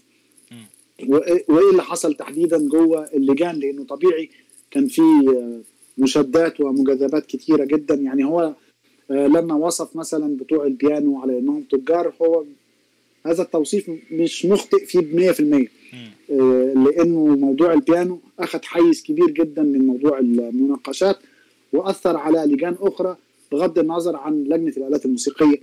آه، منها لجنة السلم الموسيقي. وتدخل فيها عدد من الناس والصراعات دي موجودة وموثقة من سنة 1912 ما بين بقى نجيب نحاس ما بين العريان وتبادل الاتهامات آه، وغيرها وكلها مرتبطة برضو بفكرة الصراع ما بين الموسيقى الشرقية والغربية من ناحية ومن فكرة الأوبرا والموسيقى المسرحية آه، وغيره. نعم. فدي كل فدي كلها أعتقد إنها حاجات ممكن ناخدها بعين الاعتبار. وإحنا بنشوف رؤية آه، يكتبك للمؤتمر اللي هي كانت طبعا زي ما قال فادي هي نظرة فوقية أو متعالية وكان عنده أحكام آه، آه، مسبقة آه، لها أسباب خاصة بشخصه من ناحية ولها علاقة أيضا بمجريات الأحداث في وقت المؤتمر. وعاوز أقول إنه مش كل اللي مكتوب في محاضر المؤتمر هو ما حصل فعليا وبالتالي فهي شهادة أو شاهد يعني عيان لازم ناخد شهادته دي بقدر كبير من الحذر ونقراها في في سياقها يعني بس جزء من التعالي كمان آه، آسف يعني جزء من التعالي يظهر بافتراضه هو إنه النظرية حكم على الممارسة. طبعا. يعني مثلا لما بيحكي عن عازف جزائري إنه يعزف على مندولين بأبعاد متساوية فهذا شيء يعني خطأ كبير وكيف يمكن أنه نقبله.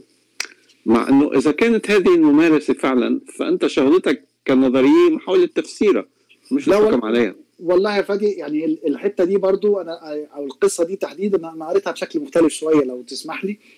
آه هو بيقول إن هم قاعدين بيتعاركوا في موضوع السلم الموسيقي وعلى موضوع الأبعاد وبعدين تدخل آلة بساتين تعزف آه الريpertoire الجزائري. اللي هو طبعا آه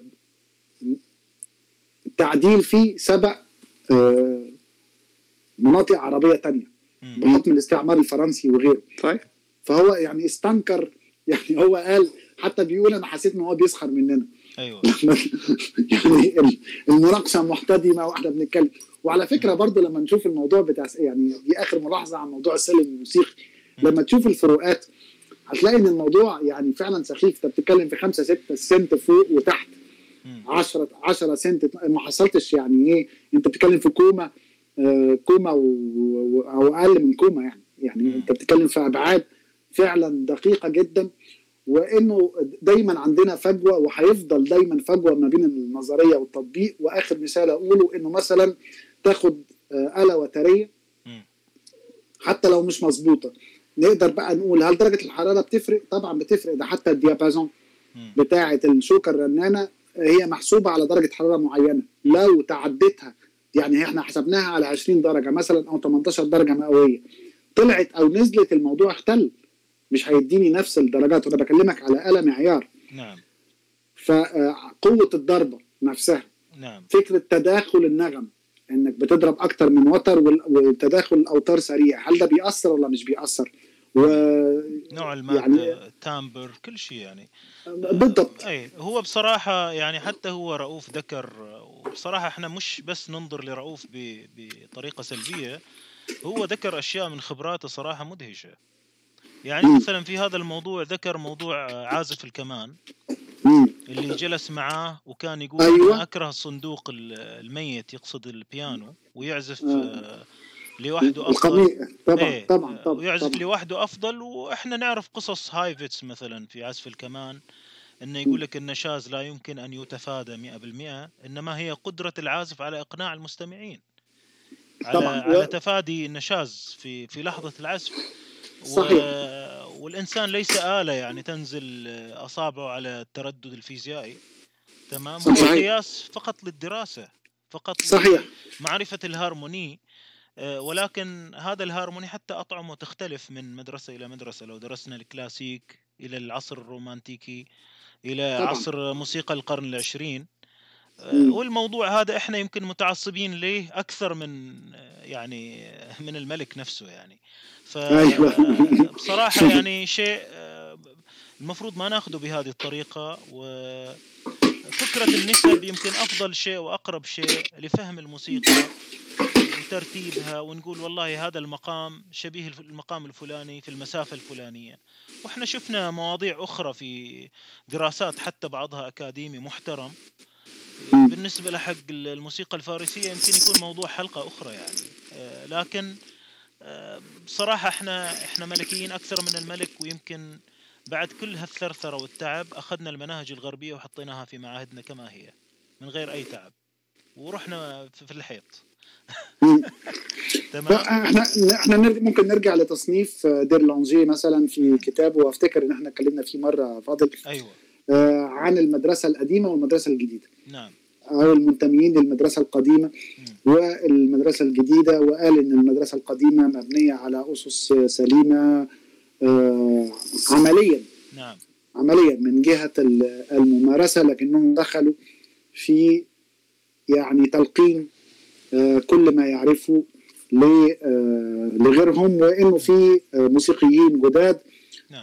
عندهم قواعد السولفيج الغربي وعندهم تقنيات أفضل والتقنيات دي جزء منها مستورد أي. لكن يعني ممكن يكونوا خرجوا شوية عن الإطار الموضوع ورجوعا لفكرة التعليم الموسيقي أنا مش شايف إنه اللي حصل مثلا في إدخال مناهج مختلفة هو شيء وحش يعني في سؤال بيطرح نفسه بعد النهارده 222 سنة في فرنسا اللي أنا عايش فيها أيوة. من الاحتكاك بالموسيقى الغربية الشرق الشرقية. نعم.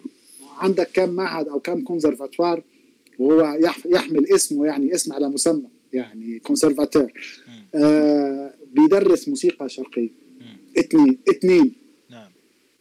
اثنين في ومتمسكين جدا في التقاليد وبالتالي أي فلسفة تعليمية كنا بنتكلم فيها من شوية لم تجد لها أي مكان. نعم. فالنهاردة بدأت تعمل معاهد أخرى. ففي ناس تمسكت بثقافة بشكل كبير وحاولت تفهم اصول عن ثقافة الآخر. ما الذي يعمل؟ ما الذي يعمل وأين يعمل؟ وما هي النتيجة؟ نعم. جميل. يعني بخصوص التعليم أنا أذكر إنه هو مدح مثلا. خطبة الدكتور الحفني وقال إن الوضع التعليمي في مصر ممتاز. مم.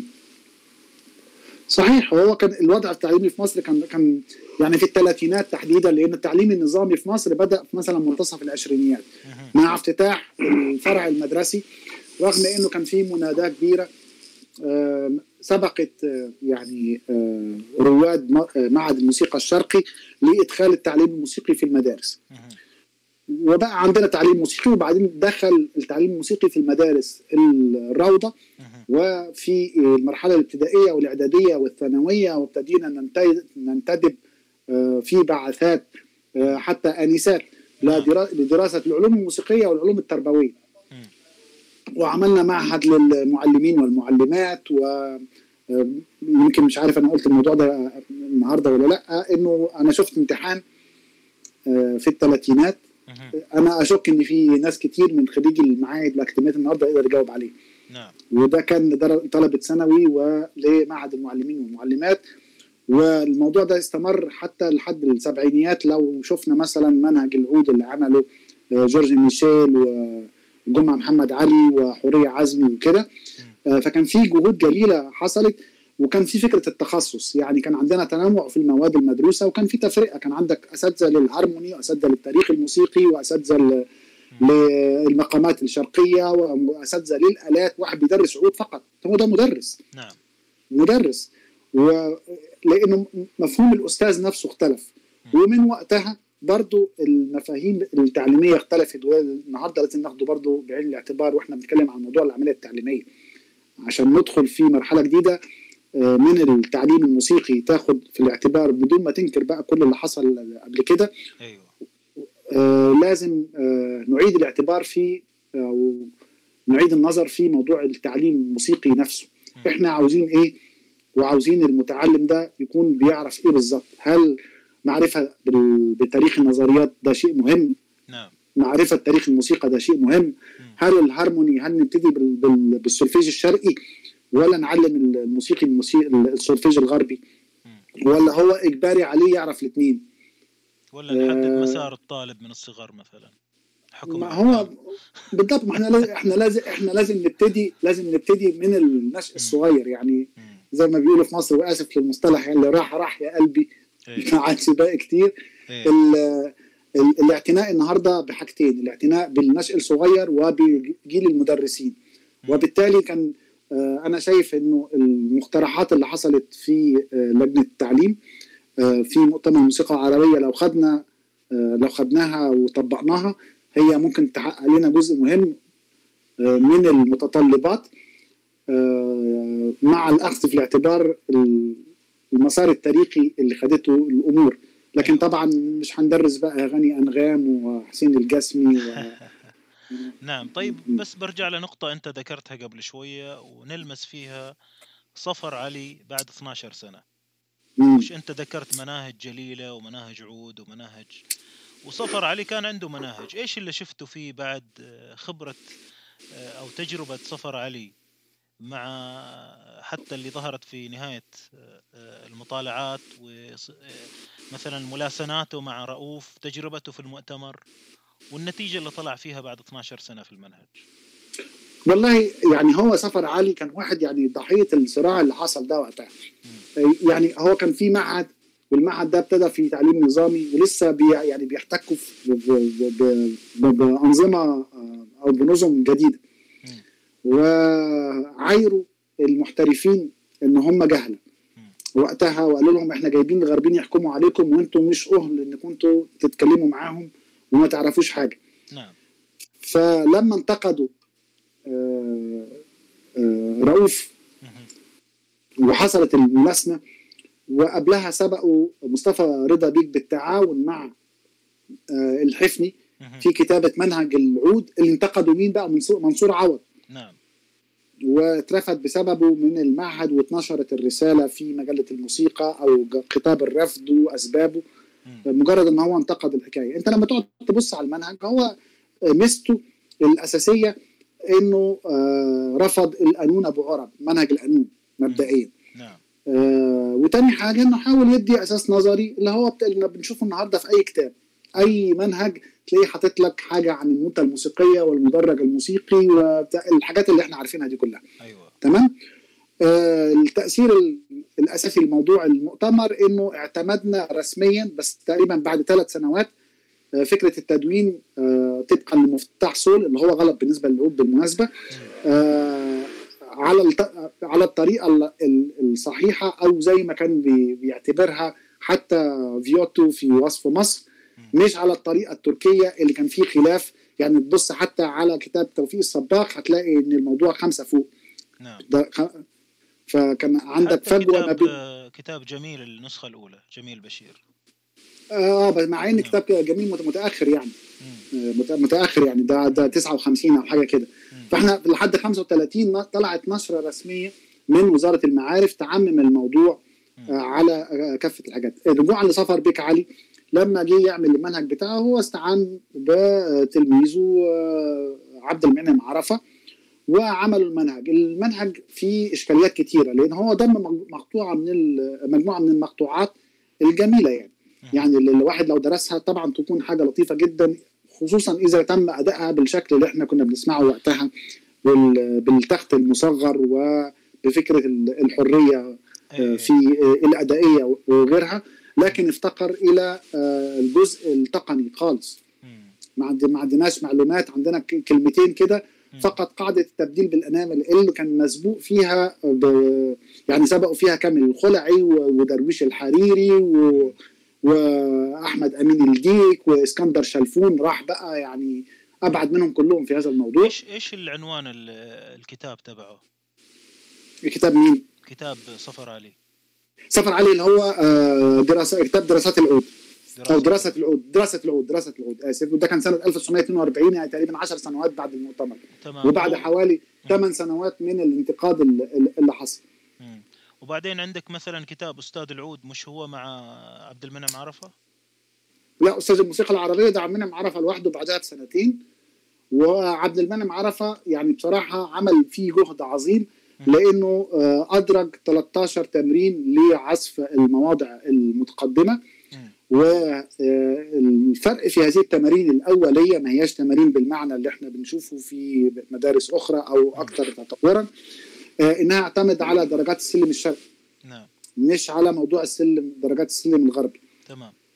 إحنا لازم ناخذ حلقة مفصلة عن مناهج العود آه، ويمكن مناهج الآلات الموسيقية الأخرى. لكن فادي عندك مداخلة على ما ناقشناه في النقطتين الأخيرتين؟ آه، بالحقيقة لا بس أنا كنت عم فكر بنقطة مرتبطة بشيء ذكره طارق يمكن عن الفجوة اللي بتفضل دائما بين الممارسة وبين التنظير واللي إلى حد ما ممكن تكون مرتبطة بالحديث عن المناهج يعني وكتب تعليم العود نعم. اللي هو فكرة ارتباط المعرفة بالسلطة نعم. بمعنى أنه جزء من الاختلاف بالممارسات عنا. في كتير ممارسات مختلفة عن بعضها يعني نعم. حتى الممارسة مش موحدة. ويمكن لازم ينعمل بوقت من الأوقات دراسة عن آه، مقارنة بين الصيغ المختلفة لنفس العمل مع مغنيين مختلفين أو مع آه، مؤدين مختلفين آه، في المصاحبة الآلية. ونشوف الفروقات ما بينها. وغالبا يعني في ارتباط بأنه تعدد الممارسات هذا ناتج عن غياب سلطة مركزية قادرة مش بس إنه تنتج معرفة وإنما إنها تفرضها هذه السلطة مثلا إذا بدنا نقارن بموضوع السلم المعدل في أوروبا. الموسيقات الشعبية ما اتبعت السلم المعدل إلى فترة كثير قريبة يعني. آه ولكن ال ال في سلطة أصبحت للأوركسترا. بسبب آه، حجم المطلوب بسبب الدراسات وعدد سنوات الدراسة المطلوبة بسبب الحياة الأكاديمية بسبب انتقال الأوركسترات والمؤلفين والمؤلفات من مدينة إلى مدينة عبر أوروبا. هذا وحد النظام المعرفي وأصبح نوع من السلطة على الممارسات بإطار الموسيقى الأوركسترالية. نعم. مش في إطار الموسيقات الشعبية وإنما الموسيقى الأوركسترالية أصبح هناك نوع من سلطة تنتج معرفة وتفرضها في الممارسات الموسيقية آه، عندنا بتخيل لحد كبير هذا مش موجود لأنه ولا مرة انعمل نوع من آه، سلطة قادرة على إنتاج هذه المعرفة وعلى تطبيقها. ضل الموضوع أكثر اجتهادات فردية. حتى لما انعمل كونسرفتوار ما تحول لشيء قادر على أنه يفرض هذه آه، المعرفة. يمكن مؤخرا كثير بسبب إدخال آلات يعني مثل الأورج والى آخره اضطرار الموسيقيين إلى مصاحبة مثل هذه الآلات وإلى التكسب من خلال التسجيل بالاستوديو معها. يمكن صار في نوع من آه، يعني فرض تعديلات على الممارسة الموسيقية. إنما في آه، جوهرة هذه الموسيقى لا تزال ممارساتها شديده التعدد والتنوع بين ال يعني حتى داخل القطر الواحد داخل مصر نفسها في ممارسات موسيقية مختلفة كثير وما في. آه، نظرية واحدة مطبقة ومفروضة. وقد يكون هذا شيء أحسن يعني مش بالضرورة إنه هذا شيء سيء. اسالك ولكن هذا يصعب جدا فكرة إنه نطلع بتنظير قابل للتطبيق عليها كلها. يعني هو بصراحة إلى اليوم مثلا لما نجي نشوف مناهج الكمان آه، نشوف المناهج الكلاسيكية آه، بتكلم عن المعاصر والقديم يعني منذ مئات السنين نعم. موجودة الكتب. والفدل برضو في أنواع في الآيرش في أنواع كثيرة من أنواع الفدل موجود في أمريكا. وله قواعده وأنغامه وطرق التكنيك وإخراج الصوت والأداء وكل شيء. فإيش المانع من من وجود آه، مناهج أو قواعد لكل مجموعة من الناس حتى في البلد الواحد؟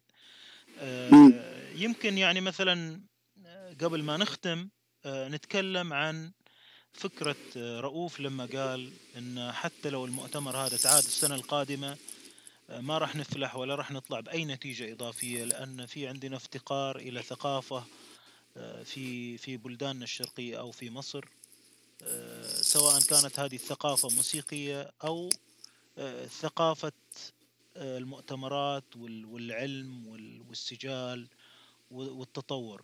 وهي شيء من السخرية أو ما أعرف يعني آه، ينظر إلى الناس إنهم ما تقدر تتكلم معاهم آه، آرائهم مختلفة آه، جهلة تتصارع عندهم وساطات عندهم علاقات.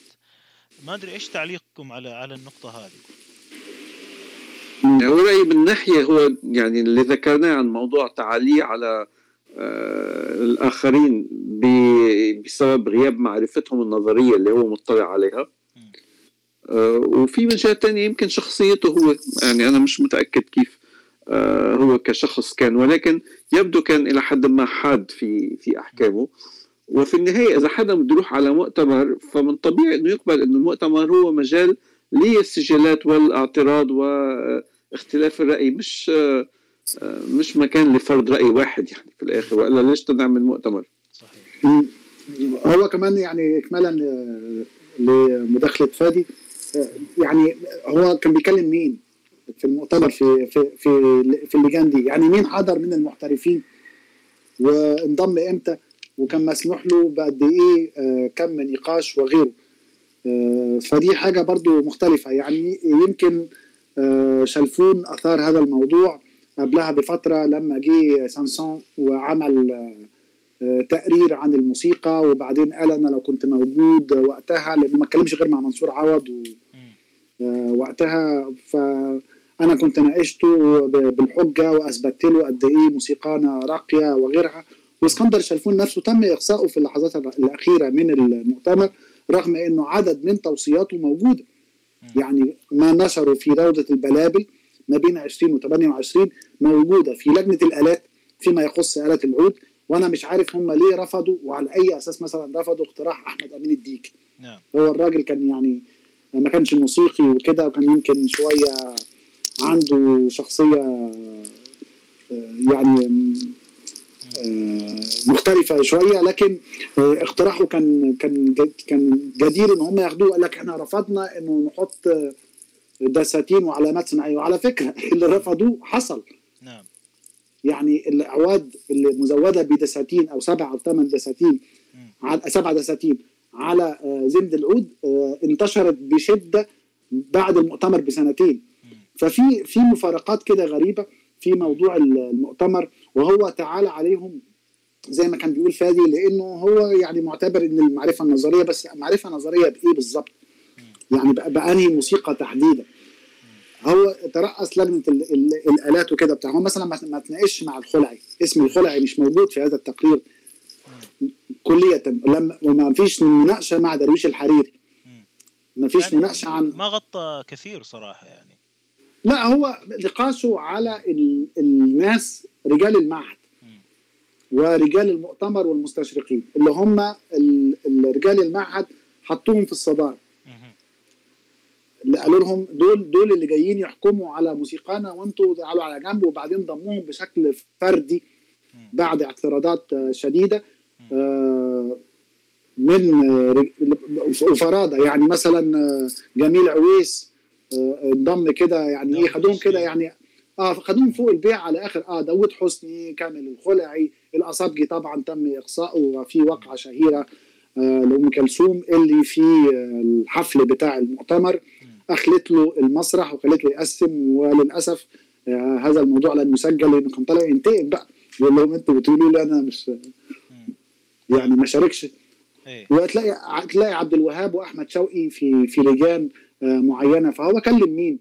ما إيه. كلمش حد هو كلم محمد فتحي ومحمد فتحي ده ملوش أي أثر في الموسيقى العربية وده اللي أعتقد كان بيشير لي فادي من شوية لما قال إن إيه. آه، ماشي بس يعني زكي علي يعني شوية ماشي إنما محمد فتحي ده مين؟ يعني, يعني عندك أسماء كده آه، مش مفهومة ورياض السنباطي له تصريح شهير آه، بيقول إن عدد من رجال المعهد آه، أصبحوا أعضاء لواجهتهم الاجتماعية مش أكتر. ودي كانت شجاعة منه الصراحة آه، وقتها إنه يصرح هذا التصريح في 32 بعد ما احتدم الصراع وطبعا يعني إبراهيم شفيق برضه كان ليه جهود جليلة. فهو ما ناقش حد من المحترفين أصلا عشان عشان يتكلم عنه. هو طيب. ما ناقش غير رجال المعهد. طيب الآن خلينا نتوقف عند بعض الأسماء مثلا القصبجي وهدول اللي ذكرناهم والآثار اللي في الصحف ويمكن كتابات أخرى بعد المؤتمر. آه، في مقابل رؤوف. يعني إحنا ذكرنا الصنباطي ما راح نذكره من جديد. القصبجي مثلا إنه تفاجأ انه سمع عن عن المؤتمر في وقت متأخر وسخر على الأسئلة ما نعيد الكلام من جديد وطرح أسئلة أهم. آه، وتكلم عن العملية التعليمية وعملية تطور الفنان وتكوينه. آه، كثير منهم يعني كانوا وقفوا مع النقابة وبعدين آه، قالوا إحنا ما راح ندخل إلا لما تدعى النقابة. لم تدعى النقابة ولكن دعيوا أو يعني تمت دعوتهم بشكل فردي. بعضهم شاف الموضوع إن هذا عبارة عن تفرقة للمجموعات. يعني هناك انطباع سلبي كثير على المؤتمر من من ناحية الموسيقيين سواء الهواة أو المحترفين الغير مدعوين صحيح هو كان في في مشكلة تمثيل مش بس فيما يخص الموسيقيين في مصر لكن في الشام وعندنا رسالة من شحاته سعادة آه، وجهت عندنا آه، رسائل أخرى وجهت إلى آه، رؤوف يكتا وغيره. عن فكرة احتكار مصطفى بيك رضا. وهو واضح إنه كان شخص متسلط يعني لفكرة قياس السلم الموسيقي على آلة القانون اللي هو معيوب وعاب في رؤوف يكتا وعاب في دير لونجي في كتاب الجزء الخامس تقريبا من الموسيقى العربية. نعم. آه بسبب موضوع درجة الحرارة وموضوع موضوع إنه بتاع وموضوع إن البيانو اللي هم جابوه ما كانش مظبوط وما كانش في حد في مصر يعرف يظبطه. كانت ليلة كده غريبة. وفكره الخلعي اللي استنكر قال لهم أنا ملحن 35 رواية ورجال المعهد لا يعترفون بي. نعم. بس الخلعي كان مدعو. كان من الأسماء المدعوة بس هو انسحب. هم لا كان موجود لكن هم دعوهم لا موجود وله وله آراء. لكن هو دعوهم في اللحظات الأخيرة دعوهم تحت ضغط شديد يعني إحنا لما نشوف إنه الجلسات التحضيرية للمؤتمر كانت تقريبا في شهر يوليو من سنة 31 وكانت موجودة في مقر المعهد. نعم. وإنه كان في تحيز وإنه منصور عوض لعب ألعاب يعني من خلال الصحافة وغيرها وموضوع التفرقه ودي لعبة هو بيحسنها بشكل يعني آه، جبار من آه، آه، خلال تجربته كمدير فني لجراموفون وما صنعه مع أم كلثوم وموضوع الإشاعات وغيرها. ويقول لهم لا أنا أنا مش مدعو وأنا مش عارف. وبعدين سامي الشوى اللي كان متحيز تحيز تام ل منصور عوض بالأحكام أو لأسباب كثيرة. يقول لهم وإمام الشرق في الموسيقى اللي هو منصور عوض اللي هو لا إمام ولا بتاع ولا حتى في العلم ولا ولا له كتاب.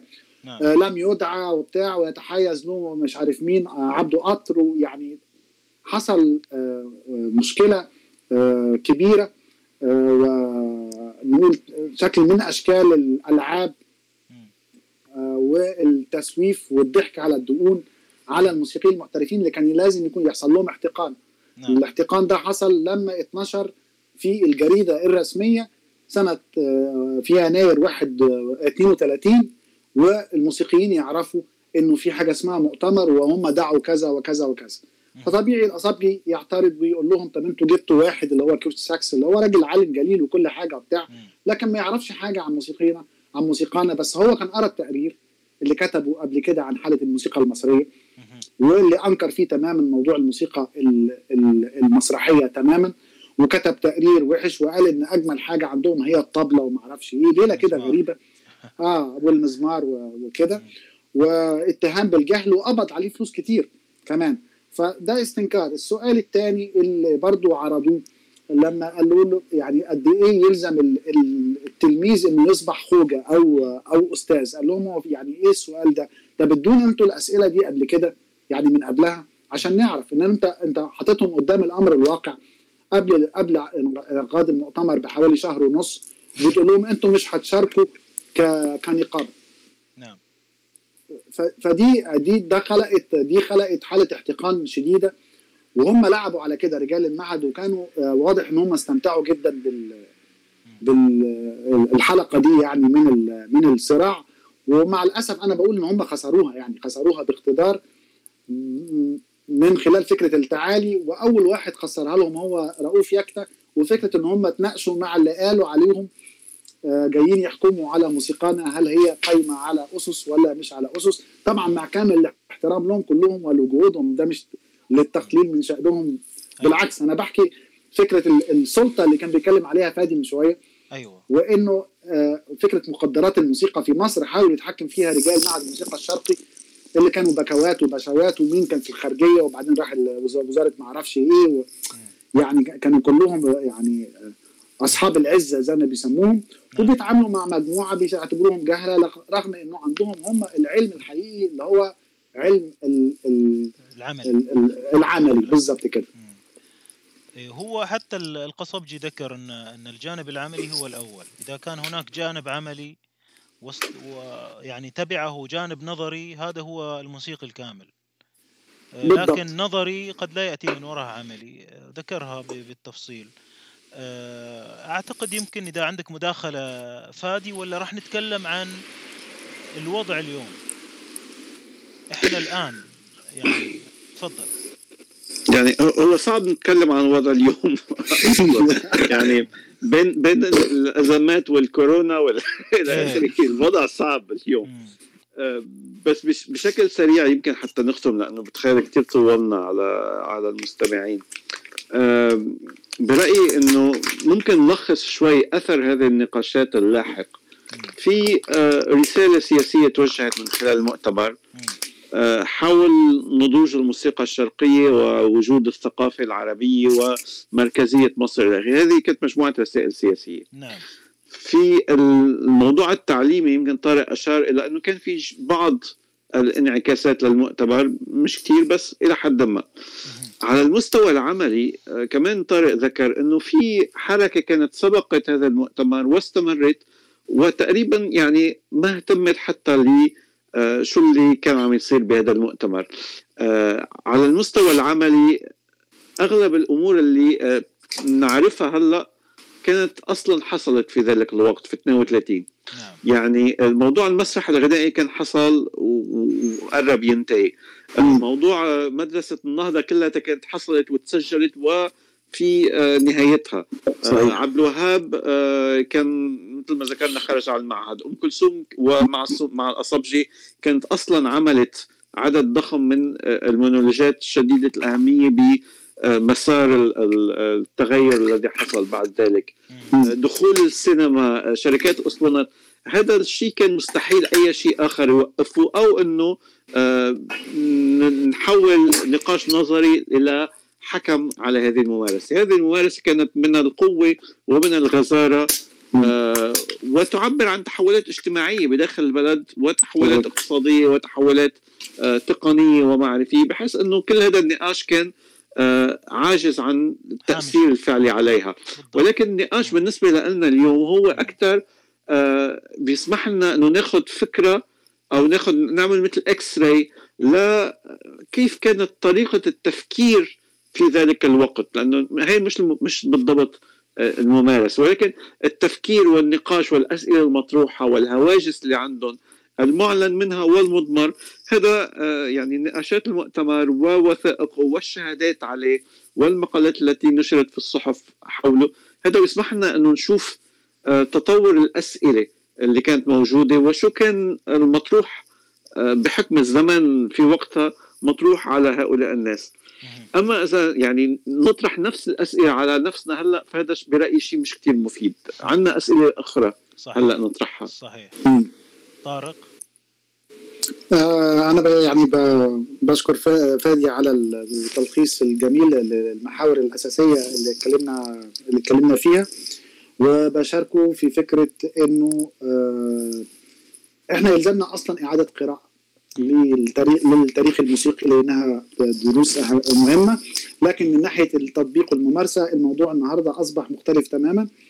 إيه اللي ممكن نستفيده النهارده؟ هل تعدد الممارسات هو شيء مهم؟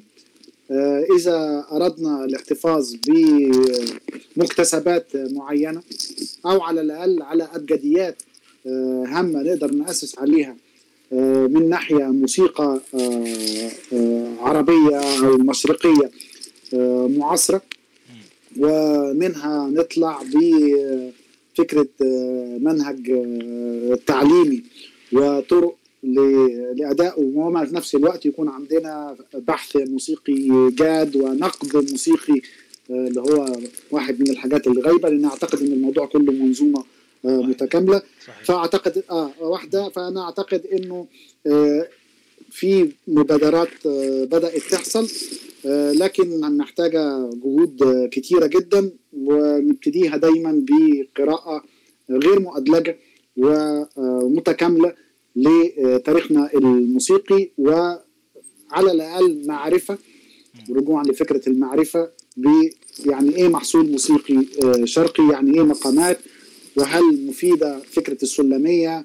وإيه هي عيوب آه، آه، إن إحنا نحتكم أو نعزف مع آلات ذات أبعاد ثابتة اللي هو نعم. بيسموه النهاردة السلم الملفق آه، وغيره. نعم.